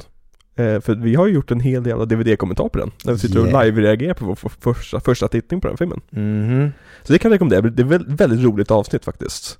Vilket är att vi också lite mer för efter fiaskot med eh, Dewey Cox och Walk Hard så har det känts lite grann med DVD-kommentarer att ska vi verkligen göra DVD-kommentarer? Mm. Men efter Roger Rabbit känner jag att fan vad kul det var att se en helt ny film. Ja, Göra DVD-kommentar på. håller med. Att sitta och faktiskt ha någonting att reagera på. Mm. Så det kanske vi borde, borde försöka oss på, som gör filmer som vi aldrig har sett förut på. Typ eh, Secrets of Dumbledore. Ja, den ska vi ju komma ut med. Det måste vi nästan göra i veckan, tycker jag. Ja, den måste definitivt i alla fall komma ut innan vi drar till London. Ja, ja, 100 procent. Ja, men jag tror det är lättare lovat för att vi har också tre filmer i pipen redan. Det kommer komma ut massa dagsfärska aktuella grejer som man kommer vilja få ut Ja. direkt. Och sen vips så är det september typ. Ja, det är verkligen så. Tiden går så jävla snabbt. Och det Mm. finns så mycket vi vill göra. Men från eh, Roger Rabbit till någonting annat så såg jag eh, lite mer än halva eh, Piff och Puff-filmen. Åh, vad tyckte du? I fucking loved it. Vad det, det är typ en modern Roger Rabbit. Ja, Alltså det- fast de går inte helt i den riktningen. Men jävlar vad de vet vad de håller på med Mm. och de går i precis rätt feeling när de blandar vår värld och cartoonvärlden. Mm. Och det är väldigt roligt vad de gör med ja, men de här två skådespelarna Piff och Puff Mm. och vilka val de tar när Rescue ehm, Rangers. Rangers läggs ner. Mm. Och sen, ja men ta bara Monterey Jack, hur han är en osttjackis. Mm. Och det är ju Lonely Island-gänget som gör den. Precis. Och de har ju verkligen humorn på sin sida. Mm. De har väldigt roligt med den här filmen. Har du sett Palm Springs? Mm. Den, blir, den är ju väldigt rolig. Jävlar vilken bra romcom. Ja. Och det är någonting som jag verkligen efterlyser idag. Är det någon som har grymma romcom-tips, Mm. Kasta dem på mig. För jag tycker det är brist, och jag vet inte om det är att jag har sett för många, att det, det är för många som Mm. det finns för få kvar, det tror jag såklart inte att det är, men jag har säkert letat i fel riktning eller fel låda. Men jag efterlyser riktigt bra romcoms, för det är verkligen min favoritgenre. Mm. Tyvärr så romcom-genren är ju död. Alltså det finns ju inte mid-budgetfilmer längre. Det är ju Netflix som gör mid-budgetfilmer. Ja, men där tycker jag, alltså det, det har kommit en del, alltså de senaste åren, nu är det säkert, den är säkert typ sju år gammal, Ja. men ta typ About Time. Ja. Och samma sak med Palm Springs, att det är romcoms men ni har roliga koncept Mm. kring det. Och det behöver inte vara bara att det är en love story. Mm. Det kan vara ett äventyr. Men så länge du har där du får till kärlekshistorien Mm. på ett roligt och härligt och glättigt sätt. Men varför, det, det är ju som, ingen vill ju gå och se sådana filmer på bio längre. Nej. Utan folk vill streama den när det finns tillgängligt. Mm. Och vilket jag förstår. Hade jag ju som valt att gå och se liksom, en ny, ja säg en Marvel-film och en ny romcom så väljer jag antagligen Marvel-filmer på bio. Mm. För att den är gjord för att vara ett spektakel på annat sätt. Eh, men det är väldigt synd, för att det görs väldigt, och, och komedier görs ju typ inte längre. Nej, och moderna komedier ska vi Mm. inte ens gå in på. Jag Booksmart. blir deprimerad över. Vi borde nästan ha en DVD-kommentar om Booksmart någon gång. ja, jag såg om eh, Superbad häromdagen. Ja, jag såg det. Jävlar vad den håller. Hold your hands Helvete. with your sister. Och d- tillbaka till kritiken mot eh, Booksmart. Mm. Jävlar vad Superbad pissar på allt. Ja. Alltså, ja, jag, jag tror inte jag har läst det någonstans, men det finns säkert de som säger att man typ glorifierar poliser i den filmen. Men det Ja. enda den filmen gör från sekund ett när Bill Hader och Seth Rogen dyker upp, det är att tala om att det här är två korrupta assholes Mm. som ingen, inte ens McLovin vill vara med till slut för att de är så jävla retarded och, Och ta dåliga. bara Jonah Hills karaktär. Som är som ett rövhål genom hela filmen. Mm. Helt osympatisk, 100%. Mm. Och det gör honom bara roligare. För att vi vet ju alla att Jonah Hill är ett rövhål i verkliga livet också. Liksom, så då känns det bara som att man, man ser någonting som, som är verkligt. Ja, och det kommer tillbaka i filmen att han är det här assholet Mm. och att Evan har spenderat hela sin high school-tid med honom istället för att vara ute och festa och träffa tjejer. Exakt. Och det blir konflikten sen i filmen, Mm. att ja, ah, nu kommer sanningen fram. Varför Mm. berättar du inte det här för mig tidigare? Ja, den är oh, så jävla bra. Men Jonah Hills rövhålighet Mm. funkar väldigt bra i exempel Wolf of Wall Street, tycker jag. När han liksom ska vara det här rövhålet på riktigt. Mm. Ja, men det, det, det är typ det jag gillar mest med Jonah Hill. Det är när han är rövhålet, som i Superbad. Ja. Där han bara är vulgär, otrevlig, dryg. Alltså typ som i Superbad när han står och säger till hemkunskapsläraren. Mm. Att bara så här, no offense, men det här ämnet är ett jävla skitämne. Ingen tycker att det är roligt så här, eh, förlåt för att jag svär. Alltså han bara står och säger rakt till henne Mm. att hela det hon jobbar med är bara bullshit. Och han gör det på ett så jävla underhållande och Han är roligt sätt. jättecharmig där, Mm. på ett sätt. Liksom. Han är inte disrespectful, men han är rude. Men hon respekterar honom för att han ändå kan förklara varför han känner så. Exakt, man förstår också varför Emma Stone kan känna känslor för honom. Mm. I den, och hon är ju så jättebra i den filmen. Hon Jävlar. är alltid jättebra. Alltså att hon inte har fått, i och för sig hon har fått en gigantisk kar- karriär, men att hon inte har blivit liksom ännu större liksom. Mm. Hon är ju som, hon är ju Scarlett Johansson-nivå skulle jag säga. Ja, det, det är väl det att hon är inte lika... Hon har ju inte femme fatalen i sig. Nej. Alltså hon är ju mer... Girl next door. Ja, ja men precis. Och inte Girl Next Door som Claire, Da- Da- Claire Danes, utan Mm. hon... Emma Stone har ju nästan att hon i vissa stunder kan se lite ful ut, men Mm. hon är fortfarande väldigt söt. Så att, Jag tycker det är det som gör henne så snygg. ja, att, okej. hon, att hon ser naturlig ut. För att, för att Scarlett Johansson, hon ser ut som en filmstjärna. Mm. Liksom det, hon är ouppnåelig. Men Emma Stone är en tjej som, det känns som att om jag skulle gå på dejt med en sån tjej, då skulle jag ha en chans med henne. Mm. Vilket gör henne vackrare på något sätt. Ja, jag förstår vad du menar. Ja. Jag tycker hon blir mycket roligare då också, för att Mm. hon, Emma Stone är skitrolig. Och jag vill se om ECA. Ja, åh, hon, hon är så otrolig, alltså bara det, hon, så, små liksom, grejer hon gör med sin överläpp när hon Mm. ska, när hon ska liksom vara lustig och liksom lite larvig och Mm. goofy. Jag tycker hon, hon är så otroligt jävla söt. Men på tal om Jonah Hill och douchebagness, att det funkar bäst när han är en douchebag. En film som motbevisar den tesen. Don't look up. Ja, och jävlar vad han är dåligt regisserad i den filmen. Ja. Det är bland de största clusterfucken jag sett. Mm. Han är så, han är dels inte rolig, men han är så stor i filmen. Ja. Han bara skriker och låter och är vulgär. Och, så, och resten av filmen är ju stor också. Ja. Men den är stor på ett roligare sätt. Jaha. Och ett mer kontrollerat sätt. Mm. Ta typ Kate, Kate Blanchett igen. Jag tycker hon är jätterolig. Ja. Fast hon gör typ samma typ av roll nästan. Alltså inte att hon ska vara irriterande. Ja. Liksom. ja, men hon får verkligen till balansgången Ja. på ett sätt som Jonah Hill Det är nästan som att han bara så här, fuck all you, jag, jag ska bara vara odräglig här. Mm. Och det funkar inte för fem jävla öre. Nej, och det är att han får en after-sekvens också när han kommer ut ur stenmassorna. Och det är som att, att, att han ska vara någon slags liksom, att vi följer honom så mycket, det är största felsteget med den här filmen. En film som jag för övrigt äh, tyckte väldigt mycket om. jag önskar att jag också gjorde det, jag tyckte Ja. den var jättebesvikelse. Ja. För att jag tyckte att den kunde inte bestämma sig för vad den skulle vara. Mm. Jag hade gärna sett att de gjorde den filmen i en Big Short-ton. Mm. Eller gjort en film som var pure Anchorman-stilen. Nu kändes det som att Adam McKay, att han försökte blanda dem. Och jag tyckte inte det funkade alls. För jag hade verkligen velat se en ja, men Big Short-film om den här meteoriten och Mm. hur världen tacklade. Men till slut tror jag inte på den här världen. Nej. Och det var mitt största problem. att de, de hade gärna fått göra en Donald Trumpsk president. Mm. Men då måste ni göra den trovärdig som president. Att Precis. okej, den har tagit sig hit på något sätt, men nu blev det bara som att alla var bebisar. Ja men precis, och sen skulle säkert någon skulle förklara, eh, någon, någon på vänsterkanten i USA skulle säkert säga Jo men det är ju så Donald Trump är. Så här, ja alltså, du, alltså han är jättelarvig, han är jävla buffon liksom. Men han är inte på den nivån. Det är det, alltså ni, ni tror för Ni tror för mycket om honom Mm, nästan. Mm, Lite, alltså ni, ni, ni målar upp honom på ett sätt. mm. Att liksom så här, ta honom inte seriöst istället. Och jag tycker att Meryl Streep-karaktären var verkligen så här. Man, man såg Al McKays rädsla för Donald Trump i, i henne. Vilket var också konstigt för att Donald Trump hade ju precis förlorat valet när det släpptes också. Vilket gjorde en, ännu en disconnect liksom. Så vi vill inte tänka på Trump nu längre. Ja, det var riktigt jävla dålig timing. Ja.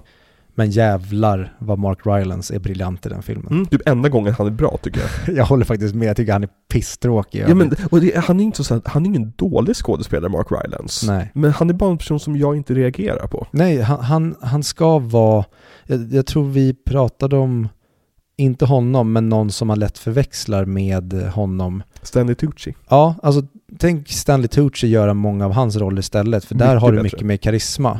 Och tyvärr, jag tycker Mark Rylance funkar i Dunkirk, Mm. men i övrigt så tycker jag att han är så jävla tråkig att kolla på. Jag har bara sett Dunkirk en gång. Vad spelar han? Han är ju gubben på båten. Ja, med, eh, med uh, obehagliga ungens... Till att säga Christoph Plintz, Eh, Barry Keegan. Barry Keegan. Så Mm. sjukt att han spelar Jokern. Jag tycker inte om den castingen. Nej, Eller så, jag tycker om castingen, men jag tyckte in, tycker inte om vad de verkar vilja göra med det. Ja, för det, det för mig är det nästan att, ja okej, jag, jag hade inte kastat honom som Jokern, Nej. mest för att han känns alldeles för ung och framförallt för ung till den där Batman. Mm. Men det är som du säger, när vi har fått se lite av porträtteringen, Mm. No, no, no, no, no. Mm. Och jag tycker i övrigt att de får till så jävla mycket rätt, eller typ allt rätt Mm. i The Batman. Men just den grejen, hade den bara klippts helt, Mm. då hade det varit, åh gud vad Jag bra. förstår varför de klippte scenen. Det är som den stora scenen. 100 procent. Och det, det var så bra. Mm. Men på tal om Jokern. Heath Ledger var ju påtänkt som, som Christian. Mm. Det hade funkat. Det hade verkligen funkat, men jag läste att det var för att de tyckte att åldersskillnaden mellan dem skulle bli för stor. Mhm. Men för mig hade inte det spelat någon roll. Och jag känner nästan i den här filmen att helvete Leo, vad du bara skulle väntat en film. För att se Leo? Leo, Ja, ja, ja DiCaprio precis. göra det här. Han var ju också påtänkt. Alltså, mm. Och det hade Mm. verkligen varit, istället för att du har Romeo och Julia på, på din resumé, tänk om du hade haft Moulin Rouge. Ja. Hans nästintill liksom perfekta. Sen, han har sin runway i början med lite tveksamma grejer som kanske inte är superbra. Ja. Och sen har han gjort några magplask, men hans karriär är verkligen, han är ju sinnessjuk på att plocka sina projekt. Han har en bra agent. Helt sjukt. Ja. Jake Gyllenhaal var också påtänkt. Och det hade inte funkat. Nej. Men det var också den här tiden när Jake Gyllenhaal var ju som stor efter Don, Donnie Darko. Mm. Alla ville ju ha med honom i allting. Det är som, han spelade ju Prince of Persia. Min. Minns du att Jake Gyllenhaal en gång i tiden var en väldigt tråkig skådespelare? Ja. Tills han upptäckte sin grej. Med typ Nightcrawler. Det ser jag det som liksom. Ja, och han, för när kom Brokeback Mountain? 2000? Ja, i och för sig 8, 7. Ja, den är väl där. Den är så bra. Ja, Precis, den kan inte vara senare för Heath är död. Ja, precis, exakt. Han dog ju 8. Ja. Ja, nej precis. Nej, nej, det här är 2005, tror jag. Är det så tidigt? Ja, jag tror det. Mm. Ang Lee. Också känns som märkligt. Ja. Alltså den, han har också gjort så jäkla olika filmer som det känns att vem, vem är du? Vi vet det. Du är typ alla olika genrer. Det, Nästan så vi borde köra en Ang Lee-miniserie. Åh, det hade varit kul. Fy För jag- fan jag- vad jag hatade Life of Pi. Ja, men jag, har tänkt på, på så här, vad för regissörer ska vi köra som miniserier framöver? Mm. Och självklart ska vi köra också alltså regissörer som vi tycker är bra. Mm. Alltså typ Nolan, eller James Cameron och så vidare. Men jag vill också utforska de här regissörerna där det är liksom, vem är du? Mm. Som Baz Luhrmann har verkligen öppnat upp det fönstret för mig. Som, vem är du Ja. egentligen? Vad, vad är din grej? Och vi ska hitta som de regissörerna. Mm. Så Ja, ni för får det- jättegärna ge oss tips eh, till alla våra lyssnare. Eh, skriv till oss på sociala medier om ni har liksom någon regissör att den här borde ni kolla in. Ja, för jag såg att det var någon som skrev en kommentar om att den skulle vilja se oss göra Steven Spielberg, var det Ja. ja. Och då svarade jag att ja, men självklart Steven Spielberg vill vi göra, Mm. men det problemet är hur vi ska göra Steven Spielberg när det finns så otroligt mycket filmer. För det är också en någonting som jag i alla fall verkligen inte vill fastna i. Det är Mm. att vara för länge i en regissör eller Mm. vara för länge i en filmserie, utan då måste man ver- verkligen hitta de bra längderna. Men då har vi ju Nolan, Tarantino, alltså det finns många av de här stora, Denis Villeneuve, Mm. som inte har gjort allt för många. Kubrick. Men man vill inte heller bara beta av de största, mest populära, utan Nej. de vill jag kom, som nu vi gör med Nolan, vi kör honom när Oppenheimer kommer. Mm. För att, Spoiler alert. ja, ja men, så att ni vet att Nolan kommer. Ja. Vi, men nu har vi börjat, och samma sak med typ Darren Aronofsky som inte heller gjort så många filmer. Precis, han skulle egentligen kommit i höst. Men vi gjorde, vi gjorde om schemat lite grann för att få in en, en annan, mer aktuell filmskapare. Eh, tyvärr, för jag hade jättegärna pratat om Aronofsky. Men han har ju flera filmer på gång. Exakt, så det känns som, den andra som vi bytte ut honom med, det kommer ta några år innan hans nästa film kommer antagligen på grund av tempot han jobbar i. Mhm. Eh, eller kanske inte alls, nu med tanke på vad som kommer.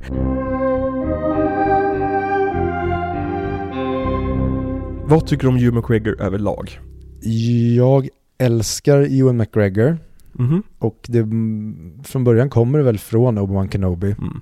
Han är ju vår barndom. Ja, men samtidigt, jag tycker verkligen inte om Ewan McGregor i Phantom Menace. Mm. Och jag är inte jätteförtjust i honom i den här heller. Så den unga Ewan McGregor, nu har jag inte sett om Trainspotting på Mm. skitlänge. Men den unga Ewan McGregor är jag lite orolig för. Mhm. Att, men samtidigt han, från typ Attack of the Clones, för det är där jag verkligen började tycka om hans Obi-Wan Mm. Kenobi. Därifrån och fram älskar jag honom. Så jag vet inte riktigt vad, vad det skaver, för att det är Attack of the Clones och Moulin Rouge, det är liksom ett år emellan. Mm. Men det känns som att det är fler år emellan, för han känns så jäkla oknullad. Mm. För att använda, vad är det? För på Fredrik som brukar använda det. Exakt. Han känns verkligen oknullad i den här och i Phantom Menace. Sen är det som att han blir Halston Mm. Och sen gör han Attack of the Clones. Just han gjorde ju Halston ja. Det, det är så jävla sjukt. Det är ju typ hans bästa Ja. verk skulle jag säga. 100%. Vadå, du tycker inte The Island? Med Scarlett Johansson? Jag såg om den för några år sedan Ja. och jag, jag vill minnas att jag tyckte att den var jäkligt härlig. Mm. Men framförallt tredje akten är det som får den att falla. Men Exakt. första, alltså bara hur det samhället ser ut. Konceptet. Ja, konceptet är ascoolt. Mm. Och där tycker jag Michael Bay verkligen gör någonting kul. Vi borde köra Bay. ja, han med. Det, det hade varit kul, men då också, tyvärr så får vi också prata om Transformers typ två månader. Det har varit så jävla kaxigt av oss om vi kör Michael Bay. Så gör vi ett avsnitt om bara Transformers och det är bara Transformers 1. Sen bara dumpar vi det och går Alltså, vidare. Jag, jag, jag vill se oss förlora förståndet kring Transformers-filmerna. Mm, då kanske man typ ska göra Michael Bay och Transformers som en miniserie. Att vi börjar med Michael Bay, Mm. tar en paus i Michael Bay, går över till Transformers som filmserie och Mm. sen fortsätter vi Michael Bay efter. Att man Mm. på något sätt gör det som två olika miniserier som typ knyts ihop i varandra. Mm. Vi Vi kikar på det. Våra lyssnare kan ju återkomma också med, med vad, vad de tycker om, om. Verkligen, för att är det någonting som ni verkligen, märker vi att det är flera som skriver att de vill ha samma typ av miniserie, Mm. då är det såklart vi kommer ta det i beaktning för att vi vill ju bara egentligen ha roliga miniserier och filmserier Exakt. och regissörer att prata om. Precis. Så kom med era åsikter. Vi, vi tar dem på allvar. Mm. Även fast det kanske inte låter som det. Eh, men Hugh McGregor i den här filmen, Vad tycker du? jag tycker han är jättehärlig. Jag tycker hans, hans tänder är så vita. Ja, det är de. De, de, jag fattar inte, de, det ser nästan ut som att han har löst tänder ibland. Men jag gillar hans, verkligen hans leende i den här filmen och hur mysig han känns. Men jag, han, han är väl inte världens tajtaste skådis liksom, men jag tycker bara han är så så mysig. Och så, Mm. man förstår verkligen, alltså fatta att vara tonårstjej och se den här filmen. Åh shit. Alltså du, du, du Ja, jag, jag ska inte gå allt, allt för, för geggigt här tänkte jag säga. Gå, nej, men gegga, det så- gegga på. Vi, vi har en musik som vi lägger på när det geggas. Ja men precis, nej men bara ha liksom postern på väggen liksom och lyssna på soundtracket om och om igen. Jag kan verkligen, jag kan verkligen vara avundsjuk på att ha den känslan typ 2001 liksom. Mm. Att vara som en ung tjej och upptäcka den här filmen. För den här filmen är ju som gjord för att bli en, en flickfavorit. Ja, det är helt jävla sjukt. Men Trainspotting, så du har inte sett den på länge? Nej. Nej, för det var ju hans genombrott. Mm. Liksom. Och han dök ju också upp i Velvet Goldmine, som är väldigt hyllad. Som inte jag har sett. Jag har ingen aning om vad det är. Eh, Det är en film som utspelar sig på 70-talet. Någonting så glamrock-ish. Jag, jag har hört väldigt mycket om den men jag har bara aldrig sett den. Eh, Men sen blev han då castad i Star Wars som den unga Obi-Wan. Och han, som du säger, i första filmen så är han praktiskt taget inte där. Nej, åh, fan han bara gnäller. Mm, Det är bara det han gör. exakt. Och så här otroligt lökiga Anakin Skywalker, meet Obi-Wan Kenobi. Åh, herrejävla gud. Mm.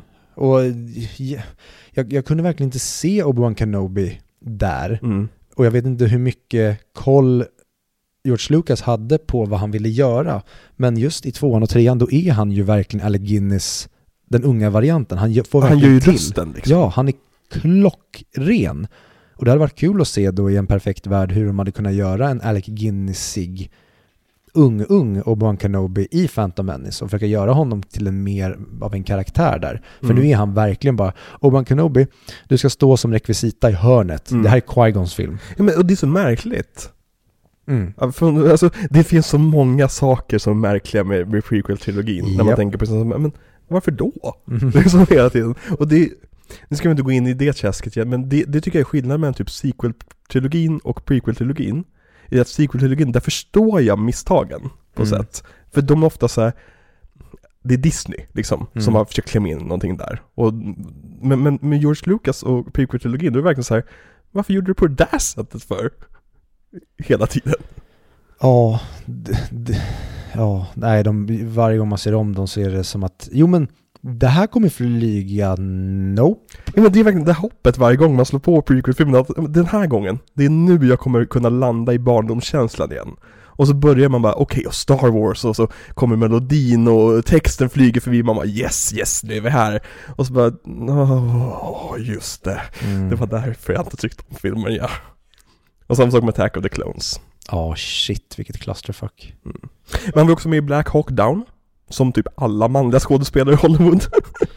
Jag har inte sett den sen den kom. Jag hade den på en bootleggad eh, Precis. DVD från Thailand. Det, det minns jag, för den, jag har bara sett den en gång med typ halva ögat och det var hemma hos dig Mm. i Trollbäcken Ja men det är typ det jag minns också. Mm. Och det är verkligen en film, för det är alltså Ridley som Det gör... är också så konstigt, det är Ridley Scott. Ja, det är jättemärkligt. Åh, Ridley Scott. Mm, men han gör så många filmer. Äh, det är också det det, är- det, problemet. lite- alltså, jag, Ridley Scott hade varit en jätteintressant miniserie just för att han gör så många olika typer av filmer. Mm. Men det är så mycket. Alltså det är nästan så att vi skulle behöva liksom avsätta ett år för Ridley Scott. Mm. Och det vet inte jag om jag orkar. Nej, och där kanske vi mm, bara helt enkelt när vi funderar på hur vi ska gå tillväga med de här Mm. typ eh, Martin Scorsese. Då Mm. kanske det bara blir att men vi kör fem filmer åt gången eller att vi ser de stora filmerna eller våra favoritfilmer och de andra får vi bara dra från minnet. Ja men precis, att vi kurerar det. Precis, ja. Att vi liksom får liksom sitta och vara selektiva kanske.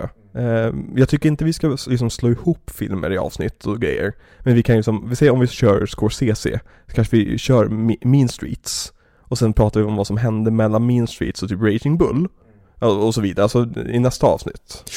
Ja, eller årtionden eller kanske bara så här, vi, vi, tar hand de här fem åren Mm. åt gången. Att man på något sätt försöker hitta ett bra paket. Exakt. Och återigen, här får vi också komma tillbaka till våra lyssnare. Har ni någon intressant take på hur vi ska lösa den knuten? med de här liksom otroligt liksom, överlånga filmografierna av filmskapare vi ändå skulle vilja prata om. Mm. Så eh, skriv till oss.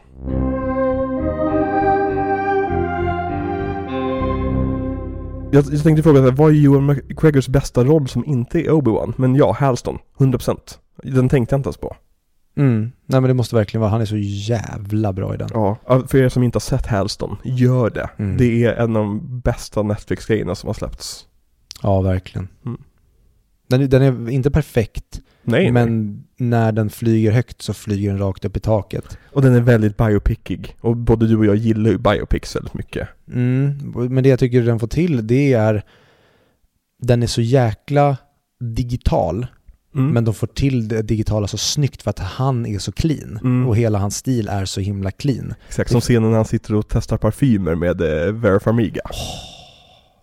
Det, och jag, det sörjer lite med den. Jag hade velat se dem gå ännu mer in, kanske ägna ett till avsnitt till parfymdelen och Mm. grotta ännu mer hans barndom och kanske ha ännu mer av psykologdelar i den där man verkligen får veta varför han är så trasig. För de delarna Mm. tycker jag de kanske spenderar lite väl kort tid på och lite Mm. för mycket på det destruktiva. Mm. Men då hade man kunnat ja, dra ut den till tre avsnitt till då. Mm.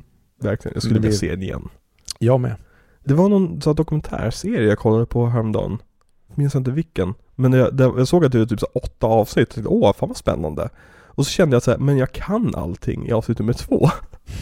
Det är så att det känns som att ni har gått igenom det mesta här. Liksom. Det kommer säkert nå- Just det, det var eh, HBO-dokumentärserien om Heaven's Gate. Mhm. Den här kulten som Mm. begick kollektivt självmord. Eh, jag känner så här, har ni verkligen utrymme för så här många avsnitt? Och det är väldigt vanligt återkommande tycker jag, just med dokumentärserier. Att de liksom pressar för mycket just för att det är stort just med dokumentärserier. Och alla de här true crime dokumentärer. Jag är så trött. Det, det, det frågade jag för några veckor sedan också. Men ge mig bra dokumentärer om saker som inte handlar om mord. Mm. Alltså som inte handlar om någon kvinna som blivit dödad av en psykotisk man. Liksom, jag, jag är ingen vit kvinna. Jag tycker inte om sådana serier. Nej. Ska, ska vi gå ner i det, det rabbit hole lite grann? Varför tycker, varför tycker vita kvinnor så mycket om att se eh, serier och filmer om, om mördare? Och samma anledning som de tycker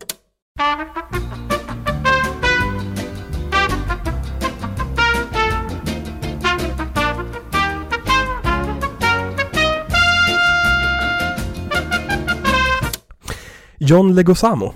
Mm. Han pratade vi lite grann om för, förra veckan. Japp. Och där älskade vi honom. Japp. Vad tycker du den här veckan? Jag älskar honom men han är väl, jag tycker att han är alldeles för anonym Mm. i jämförelse med hans väldigt eh, spårade eh, roll. Att han är en dvärg där de typ har byggt på hans näsa. Så ibland undrar jag, är det verkligen John Leguizamo? Ja, det är det. Mm. Men jag tycker tyvärr han får alldeles för lite att göra. Mm. Han är väldigt mycket i bakgrunden. Men han får också leverera filmens viktigaste replik. The greatest thing you, you'll ever learn is just to love and be lo- loved in return. Mhm. Vilket han också under hela filmen försöker komma ihåg. Kul running gag, liksom att han glömmer bort den grejen. Mm. Eh, och jag gillar också hela det här bohemgänget de har. Med han skalliga och sen han med skägget och grejer. Mm. Och det är kul visual gag också att alla musiker de tar med för att spela i, i musikalen som de sätter upp sen blir så inspirerade av han skalliga att de också rakar av sig håret. Vilket är bara ett visual gag för att sätta upp sen att butlern, han, han, eh, han med pistolen, Att han Werner va? ja precis, Werner, Mm. ja, att han går runt, att han passar in när han ska vara lite inkognito där. Det är så jävla, det är typ filmens bästa gag tycker jag. Ja. Det är när han ska, efter pistolen, Mm. och när han ska gå av scenen, Mm. dansar han med i koreografin innan han försvinner, typ behind the curtain. Det är Precis. jätteroligt. När han går med tamburinen Ja. och, och det är så här, det, det är ett sånt långt gag. Mm. Alltså du ska ha gaget att men han passar in i den här kontexten där alla är skalliga. Okej, då måste vi ha att alla är skalliga. Okej, så alla musiker blir inspirerade av den här skalliga personen. Så då sätter vi en skallig person som huvudmusikern. Det är, som, det, det är en sån tripp, trapp, grej som är så här, hur skriver du ens en sån grej? Mm. Ja, men den här filmen är så jävla bra skriven. ja.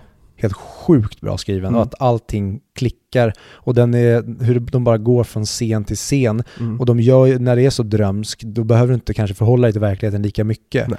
Men vi tappar aldrig tron på att vi är i den här berättelsen. Det känns aldrig som att ingenting spelar någon roll, för det känns som att allting spelar någon roll, men det Exakt. visuella hela tiden blir så jäkla trippy. Mm. Och hela det här liksom, alla establishing shots fram och tillbaka mellan Mona Rouge och hotellet. Mm. Där det uppenbarligen är CGI för att klistra in Christians rum i fönstret på Ja. modellen de har. Och man ser att det inte är riktigt, för att parallax, liksom, eh, hur, hur vi ser liksom, vinklar, funkar inte riktigt. Men i och med stil, stilicismen är så liksom, stark, så Mm. funkar det hur bra som helst. Det är helt sjukt, alltså hur de har gjort Paris. Ja. Direkt i början av inledningen av filmen, när vi ser att det här ser inte riktigt ut. Det är någonting som är, Mm. det är nästan som de har gjort liksom Paris som Uncanny Valley. Mm. Att det är skitsnyggt, men det är inte på riktigt. Mm. Och det är hur de använder sig genom hela filmen hela tiden. Att man ser att när de, när de, det är någon gång när de glider ut från något rum Mm. och kameran åker ut och sen dyker de upp igen i, så att ka- kameran glider förbi dem nära, så de har befunnit sig på två ställen Mm. samtidigt i princip. Det är, även fast det är skitfult att man ser att de är framför en green screen, så är det skitsnyggt för att det är inte på riktigt. Precis. Och det funkar så bra i den här filmen rakt igenom. Greenscreenen är ful, eller säga greenscreenen, CGI är ful, Mm. men den är snygg för att den är ful. Exakt. Jo men den, den är överdriven. Mm. Och det är som, den här filmen ger ju mig så här, ja, du får kalla dig the visual director Baz Luhrmann. Mm. Eller vi, visionary mind av Baz Luhrmann liksom, så här, du, det är okej. för du har gjort Mona Rouge liksom. Ja, och den är så ambitiös i allt det praktiska, alla scenerier och Mm. att den, Kostymen, ja, att den vinner två Oscars över, Lord of the Rings och Ja. Harry Potter. ja, det är så här, i det här fallet så tycker jag inte att det är bättre, men det är mer. Mm. Därför förstår jag att när jag kollar bara på scenen när de, alltså när de har alla skådisar under showen i slutet. Mhm. Jag får ont i huvudet av hur mycket arbete de har lagt ner på kostymerna och allting och det sker konstant genom den här filmen. Bara ta rummet när, ehm, ja men där eh, Satin bor. Mm. Bara den här hjärtöppningen, Ja. i, alltså allt är Och så hur de jävla... leker med det med CGI sen, att, liksom, att hjärtat skapar en chockvåg av stjärnor. Mm. Som, som, som skapar en ny bakgrund. Ja, nej det är... Men John Leguizamo, jag tycker han är jättebra i den här filmen också. Mm. Det, han, han, han är verkligen en tight skådespelare, jag tycker om hans ansikte. Mm. Han känns verkligen som en härlig och trevlig person. Ja, det känns som att han har verkligen spelat mexikansk eh, galning. Mm. Och jag, men jag kommer inte på att han har gjort det någon gång, så om det är någon som har någon, något filmtips eller så där han spelar som han gör i Romeo och Julia Mm. typ, då, får ni gärna tipsa om det för jag tycker att han är kul att se på skärmen. Mm. Jag vill bara se honom göra intressanta och gärna utsvävande grejer. Verkligen. Nej men jag tycker om honom väldigt mycket. Och så har vi Jim Bro- Broadbent som vi har varit inne väldigt mycket på den. Eh, men jag tycker han är helt briljant också. Ja, och han är alltid bra, tycker jag. Han är, alltså, ta typ Cloud Atlas. Har du sett om den nyligen? Nej, bara sett den en gång. Warszawskis. Mm. Eh, men också typ Harry Potter-filmerna. Liksom, jag tycker bara han, han har den här, den här överdriva brittiskheten i sig. Mm. Att det känns som han står på en teaterscen. Och då funkar det, i och med att det är en teater. Att han, liksom, han är uppskruvad lite för mycket, Mm. men det funkar. Eh, men vi har pratat nog om honom. Men så har vi Richard Roxburgh, som spelade Duke. Mm. Och nu ska jag säga till dig, det här är en skådespelare som du har ett väldigt varmt förhållande med. Och jag kom precis på varifrån jag sett honom, för att det som jag tänker på är To the far side of Romania. Ja, han spelade Dracula i, i eh, Van Helsing och även skurken i The League of Extraordinary Gentlemen året efter varandra. Ah. Han spelar ju M, eller The Phantom, Mm. eller Moriarty, beroende på vem du frågar. Eh, och det är verkligen, jag tycker det är så kul att han, trots sitt liksom, han, pretty boy-utseende, han är ju liksom en Chris Evans, praktiskt taget, en Ken-docka. Mhm. Men han spelar alltid de här obehagliga, sliskiga typerna. Och det tycker jag är väldigt kul och intressant av honom. Att han inte liksom gick på att bli actionskådis. Mm. Utan han skulle vara i sån här I don't like people touching my stuff! Eller things som han säger. Ja, Mm. han är så sjukt bra i den här. Ja, Alltså verkligen. Och hans solonummer, like a virgin. ja. Det tycker jag är det bästa numret i hela filmen. Du tycker det? Ja. Det är också så ett nummer som jag under åren har haft olika relationer till. ja. Första gången jag såg den tyckte jag fan vad roligt, eh, tyckte, tyckte det var kul. Och sen, det är ett nummer som verkligen, och, längre åren har gått har varit så här, vad är det här för Mm. något? och sen så nu den här gången så såg det så här, det här är klockrent. Fem av ja. fem. Det är liksom, och bara liksom deras samspel, det här med att i början är det som han skrämd av Sidlers karaktär, att vad fan håller du på med här? Och sen kommer han in i det och skrämmer tillbaka. Mm. Och så har vi sista scenen i den när han är typ nästan, men typ en Dracula-karaktär då. Och står över honom med kappan liksom och liksom, ja nej, det är underbar scen. Sjukt bra. Ja. Och även när han ska våldta sig in under Tango de Roxanne. Mm. Också jättebra skådespelat. Och liksom hur han, det, det är första gången jag lagt märke till hur han sjunger Christians textrad sen. I den. Mhm. Den här Why does my heart cry? Den biten. Sjunger han också sen. Det är också, har jag inte tänkt på. Jag har sett den här tusen gånger liksom. Eh, nej men jag tycker han, han, han är jätte, jättebra. Och jag skulle vilja se honom göra typ en uppföljare till den här filmen.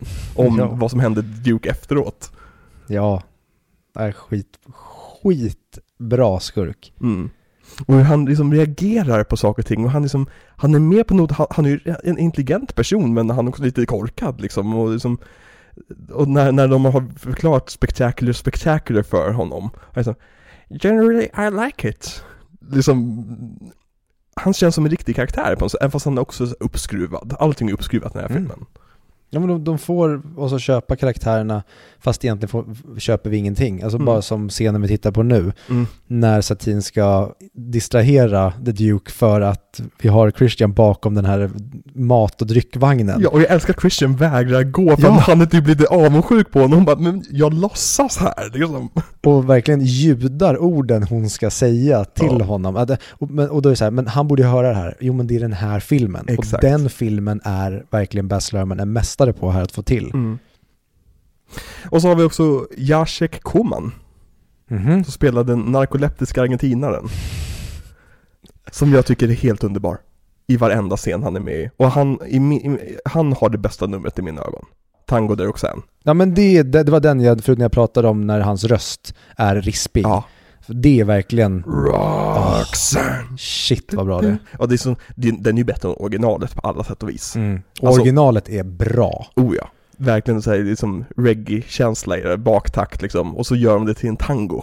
Och hela den scenen med liksom hur han dansar med hon dryga prostituerade. Som för någon, det är typ det enda jag är lite negativt, så här, varför blev hon en skurk helt plötsligt? Ja, Det, det fanns ingen setup på det. verkligen inte. Det, det känns verkligen bara intryckt att hon helt plötsligt bara ska gola i hans öra. Mm. Det var Men det väldigt... är en kul sekvens dock. Mm.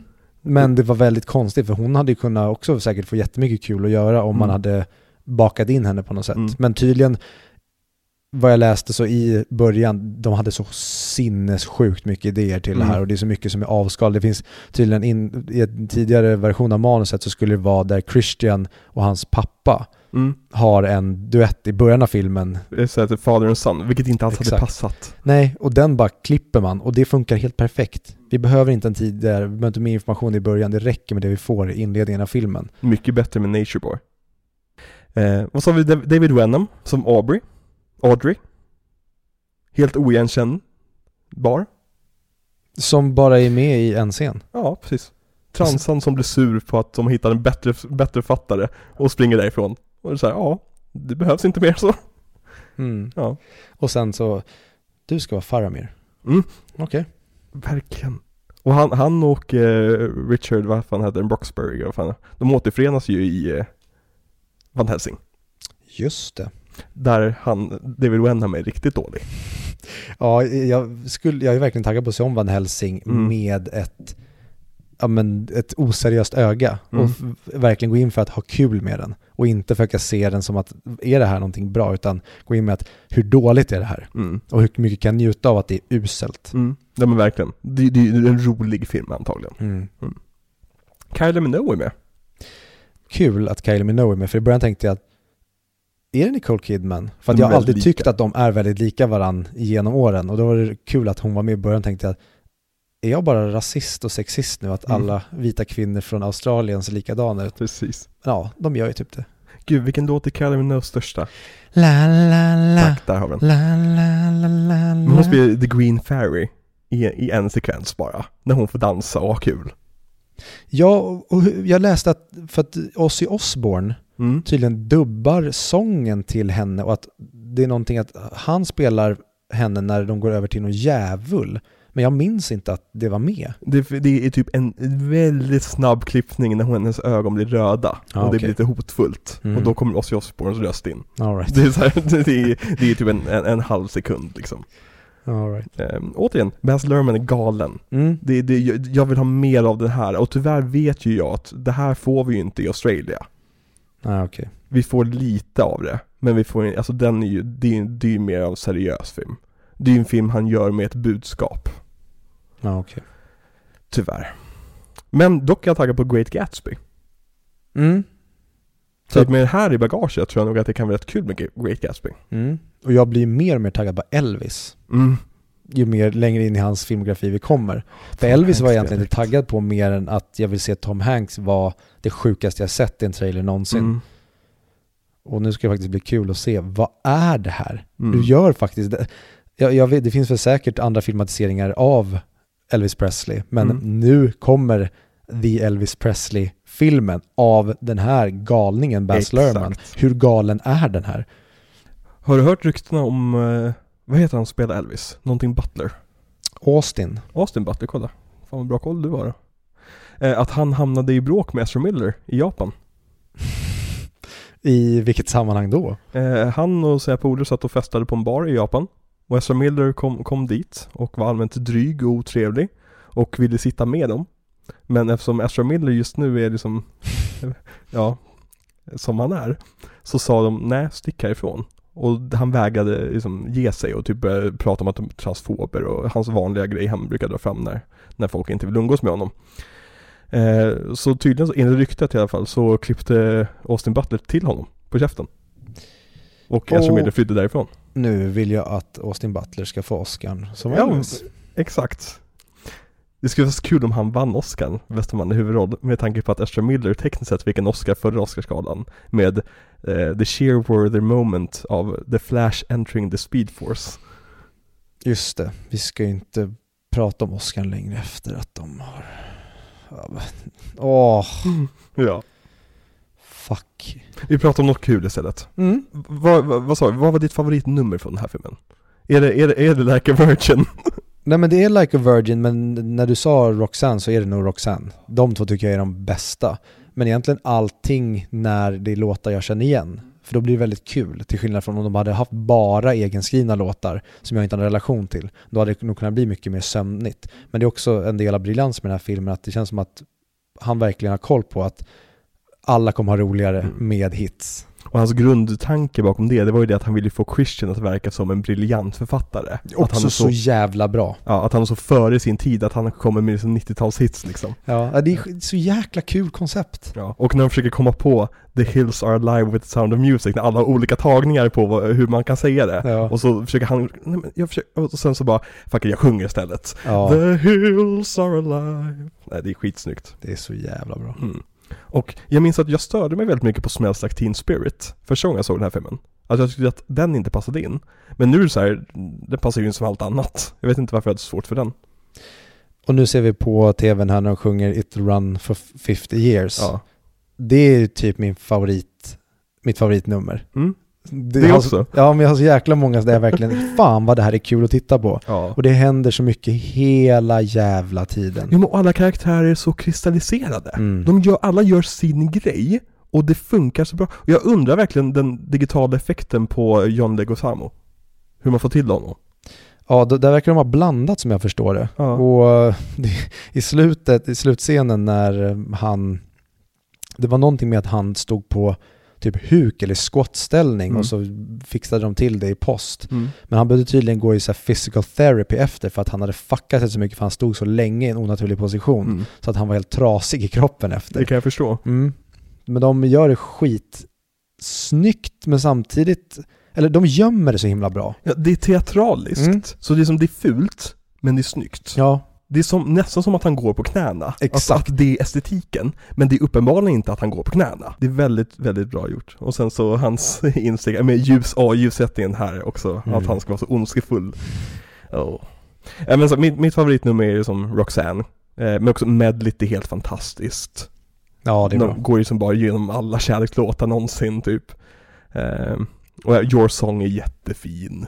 Mm. Eh, Diamonds, on, Diamonds are a girl's best friend. Jävla tempo i den låten.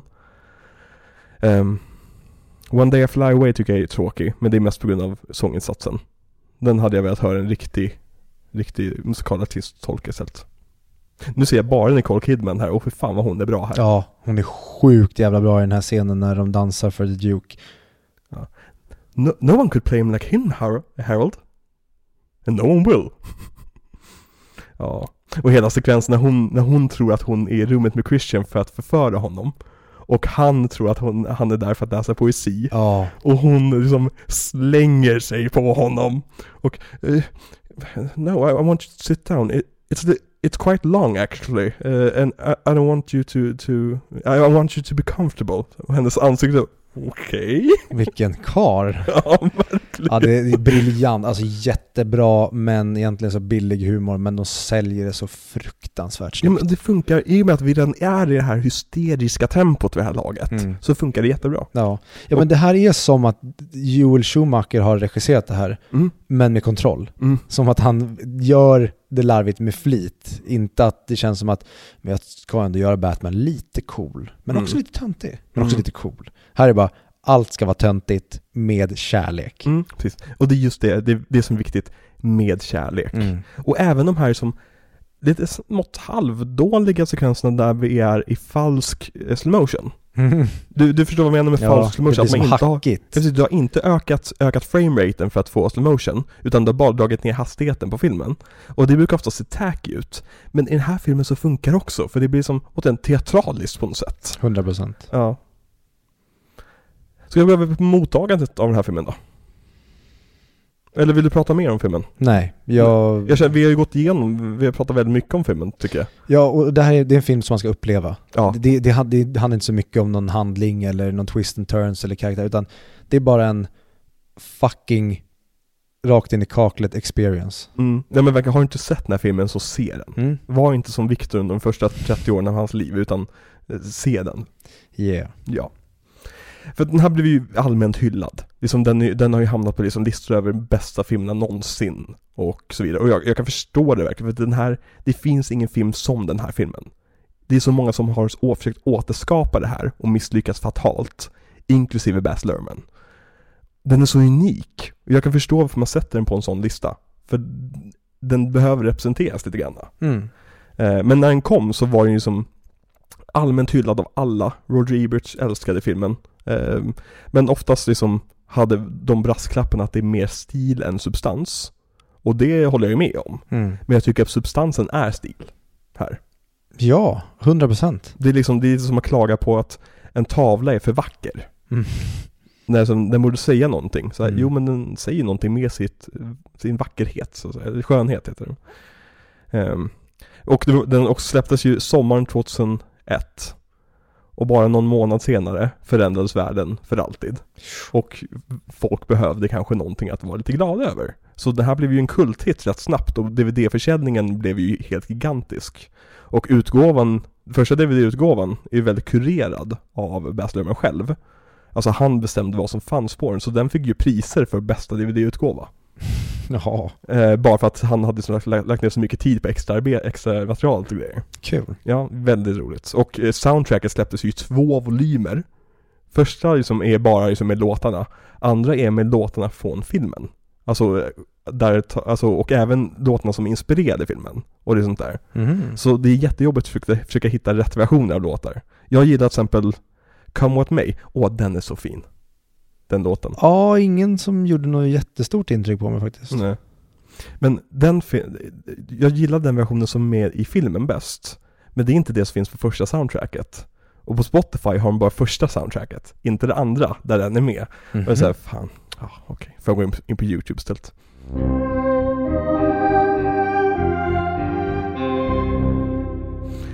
Eh, men Oscarsgalan 2002 så blev den här nominerad i rätt många priser.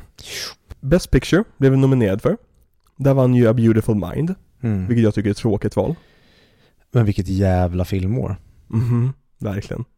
Och Sagan ringen var ju också nominerad, Mm. men vann inte. De Nej. sparade ju på det till trean, antagligen. Eh, Best Actress var Nicole Kidman nominerad. Eh, jag vet inte vem som vann. Jo, jo, Halle Berry. Halle Berry. Monsters ball. Eh, Best Art Direction vann den.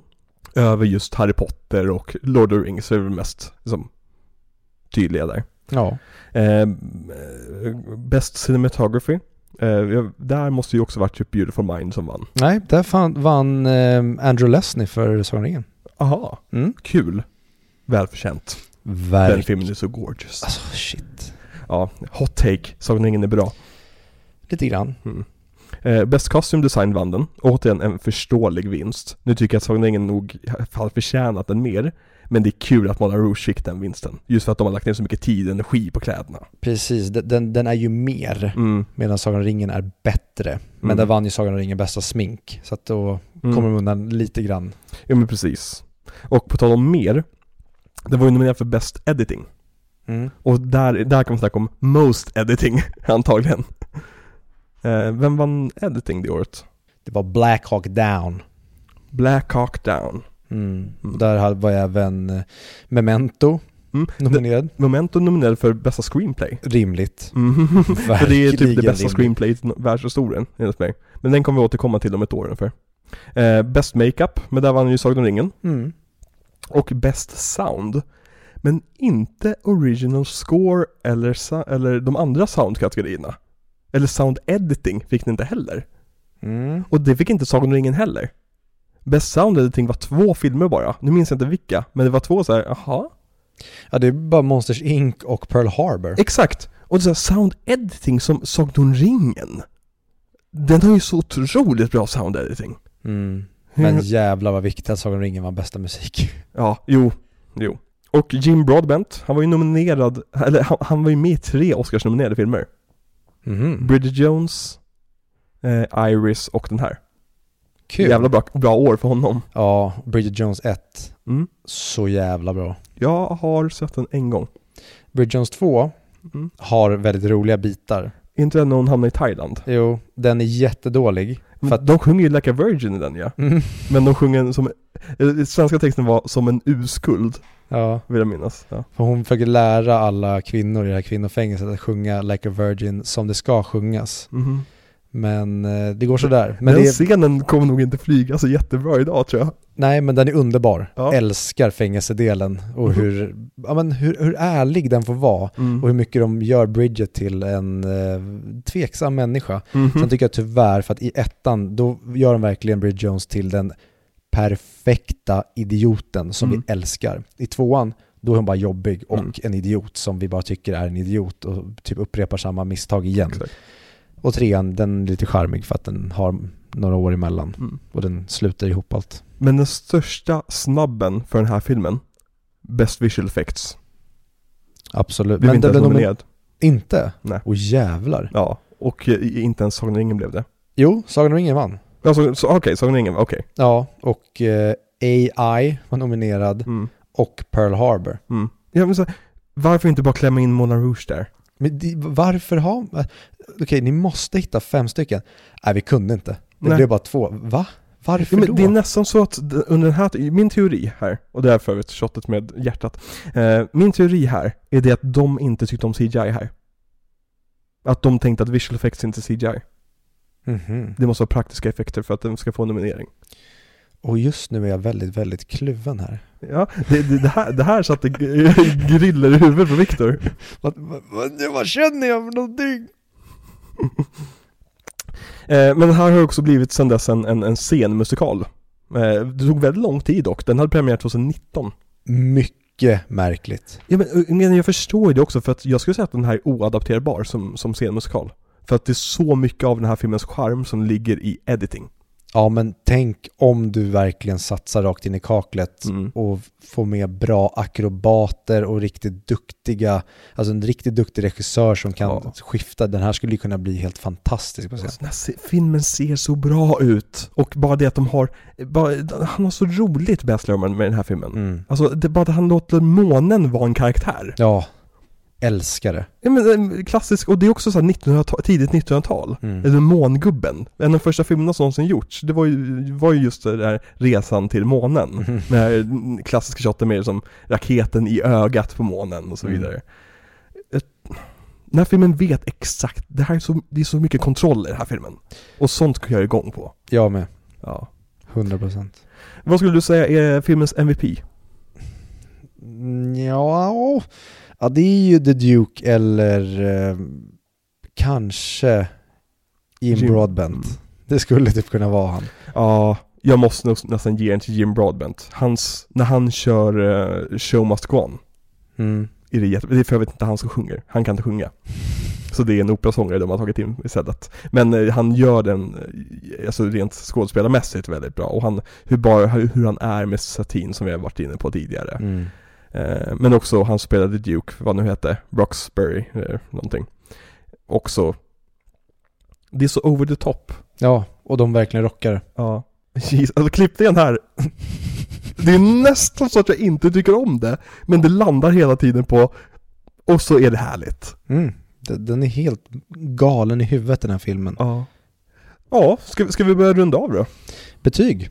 Betyg. Jag satte 4,5 av 5 på den här, för den här gången var verkligen så här. nu minns jag varför jag älskar den här filmen. Mm. Det kanske är ett lite dopat betyg, Eh, det kanske är en, en korrekt fyra egentligen, men jag känner bara att jösses Alex, det, det finns en anledning till varför jag älskar den här filmen. Mm. Du då? Jag tar bara bort en halv stjärna. Ja. Det är en klockren 4-5. Den Ja. är jätte, jättebra. Eh, med det sagt, det finns en massa skavanker men kommer inte riktigt gå in på dem för jag minns dem typ inte. För det, det är bra i den här, den här ADHD-riden som det är. Mm. Den tar sig över, över hur underbart det är att se den här energin och galenskapen. Så jag glömmer bort skavankerna. Ja men verkligen, det är som, skavankerna betyder ju liksom ingenting. Det är lite som att om du skulle se en pjäs och du skulle se liksom de svartklädda personerna komma in och lyfta bort en stol. Mm. Det är ju en skavank tekniskt sett. Men du, du, du, du accepterar det för det är en del av verkligheten.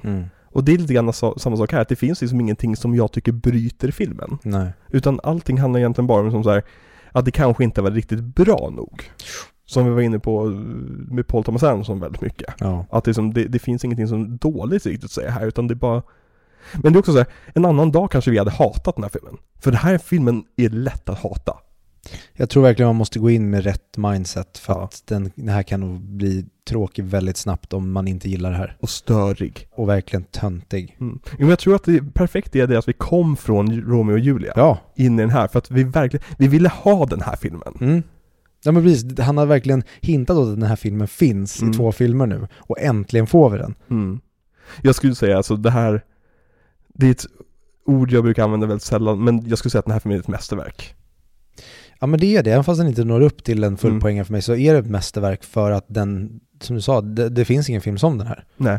Och den verkligen tar i från tårna, det, alltså det, det är så mycket på skärmen hela, hela tiden. Och det går jag verkligen igång på när saker, du har med den här bildrutan i en sekund, Mm. men den här bildrutan ska vara perfekt. Mm. Ja men och det är så, som säger så mycket grejer. Och jag tror att den här, hade den här filmen kommit 20 år senare, hade den kommit idag, då hade det varit väldigt mycket med green screen, dålig green screen för att typ göra rummet större och så vidare. Mm. Här så var de tvungna att bygga liksom ett stor, stort auditorium. Och det är det som är min största rädsla inför att se om Great Gatsby. Ja. Det är att Baz Luhrmann har upptäckt CGI på... Men det, det är typ den största sorgen i Hollywood egentligen. När man har en, en regissör som är, har sånt visuellt öga.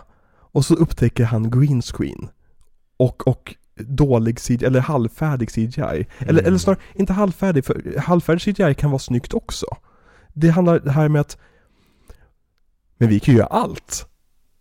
Den tanken Mm. om CGI. Det, den är livsfarlig. Ja, nej men det är som jag, jag vet inte om jag har nämnt det i den här podden, men i 100 mix så kommer jag in på det ofta, jag tycker att du ska göra allt praktiskt så långt som det går. Och där det inte går, där fyller du på med CGI. Idag har det blivit så att vi gör allt som går CGI och där det inte går fyller vi på med praktiskt. Mm. Och det hatar jag, hur man bara har 180 grader vänt på förutsättningarna eller hur Ja, man gör det känns som. Bara ta en sån, sån sak som att Marvel CGI sina kostymer numera. På, på, på hjältarna. För att de är inte färdigdesignade när filmen ska börja spelas in. För att det är så högt tempo. Ja. Och samtidigt överarbetar de CGI-artister. Så att vi inte, det, det, det CGI-artister behöver, det är tid. Det är allt. Alla, alltså, okej, nu nu hårdrar jag det, men som en, en, en 3 av 5 CGI-artist kan göra ett 5 av 5 jobb, bara det ger dem ordentligt med tid. Mm. Men de får aldrig tiden numera. Och det är så synd. ja, det är jävligt synd. Men ehm, ja, rekylen kommer ju någon gång. Ja, förhoppningsvis väldigt snart. Mm. Efter att ha sett Love and Thunder, så okej.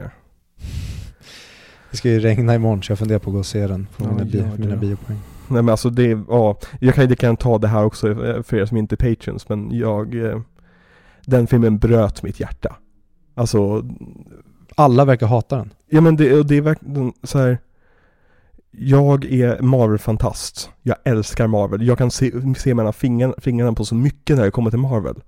Men den här filmen var verkligen, den var som den var gjord att provocera mig hela tiden. Och jag snackar inte liksom om de politiska bitarna i filmen, eller, eller, eller ens skämten för den delen, utan det är bara så här. Den här filmen var, den var irriterande hela tiden. Och liksom att Taika Waititi gör sig själv till typ den viktigaste karaktären i filmen och eh, de här jävla skrikande jätterna. Mm, de har jag läst om. Mm. Jag läste också att han tydligen lät skådisarna improvisera karaktärernas och handlingens riktning. Ja. Vad i helvete? För det gick ju så bra i Thor Ragnarok, där de fick improvisera mycket. Hmm. Mm, jag vet, det, det är Iron Man 2-syndromet igen. The war on Taika is about to begin. Han, han, han måste vara livrädd just nu för att internet har vänt sig mot honom. Alltså även de som liksom älskade honom förut och även alltså, det här är ingen politisk uppdelning heller. För som, som tur var är det ingen politisk uppdelning. För det hade väldigt lätt kunnat bli en höger-vänster grej igen, som mm. i Jokern. Men här är verkligen, även de på liksom vänsterkanten tycker att det är som såhär, Taika Waititi, vad håller du på med? Vad skönt. Och det värsta är att det, det största snedsteget han gjorde, det var att han gjorde en intervju med, eh, tillsammans med Tessa Thompson mm. för, jag tror det var New York Times eller något där. Där de satt och klankade ner på hur dålig CGI är i vissa scener. Och samma dag kom det en rapport om eh, hur CGI-artister säger att Marvel överarbetar oss som fan, vi har inte tid att göra någonting alls. Och det var på samma löp. Mm. och verkligen så här, det var en dålig look för Taika att sitta där och liksom klanka ner. Och det är samma sak med James Corden när de klankar ner på Cats eh, på Oscarsgalan. Du gör inte så tycker jag. Alltså, jag, alltså det, det är fine som recensent att säga att CGI var dålig i den här filmen. Men att sitta och skita på de som samarbetar på samma film som du själv. Mm. Det, jag tycker det är ett riktigt fittigt beteende. Ja, det är så jävla lågt. Ja, och därför, det är också, och självklart ska man liksom, ha, har det liksom gått illa till såklart du ska liksom tala ut om det.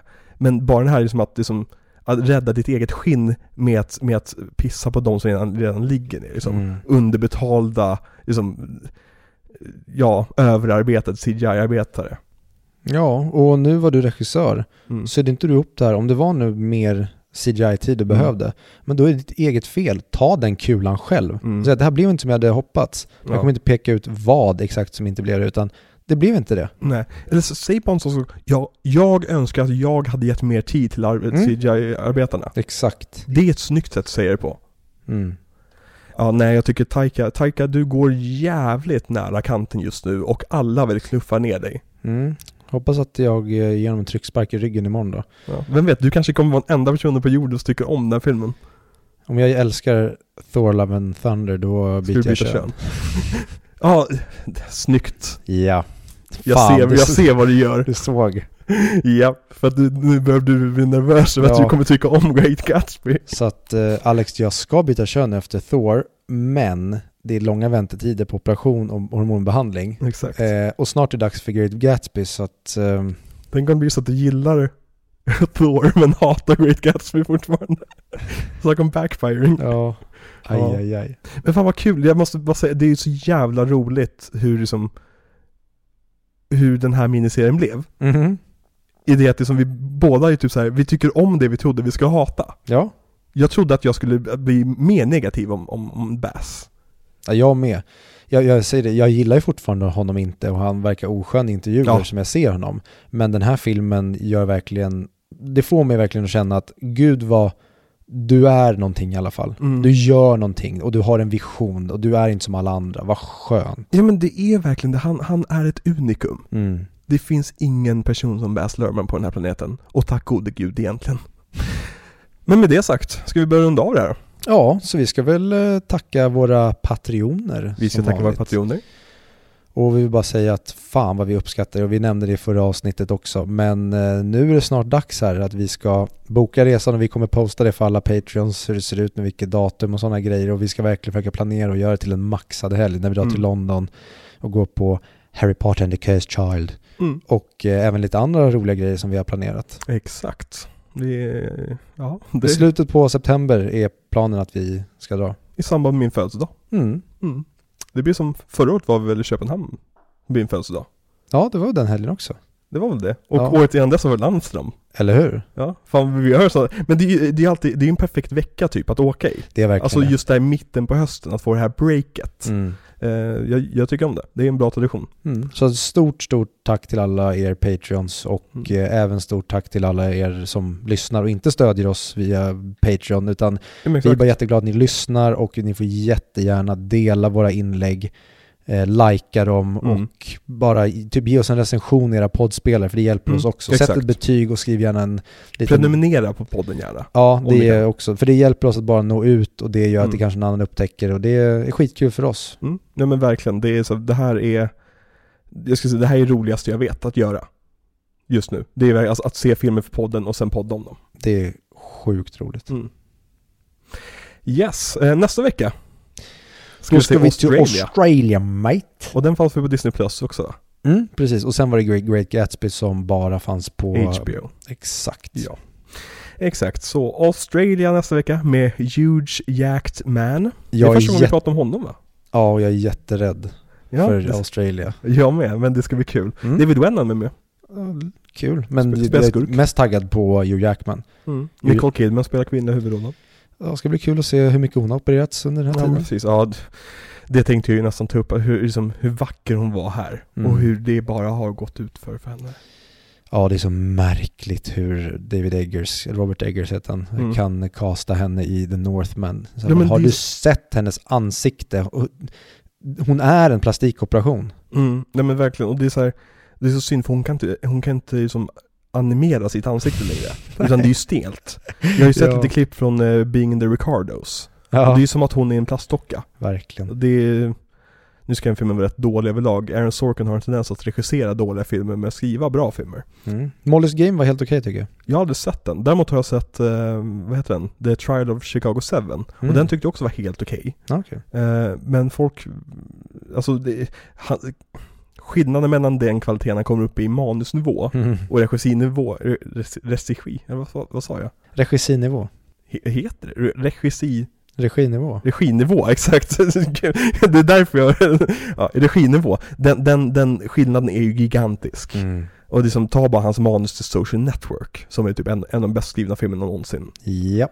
Eh, och jämför det med just typ Molly's Game eller så här, så dugliga filmer. Men som, det, det är ju inte den här som 10 av 10 nivån liksom. Nej. Nej, det är synd. Nu avslutar vi podden genom att prata lite grann om Aaron Sorkin ett tag, men fine, det kan vi också göra.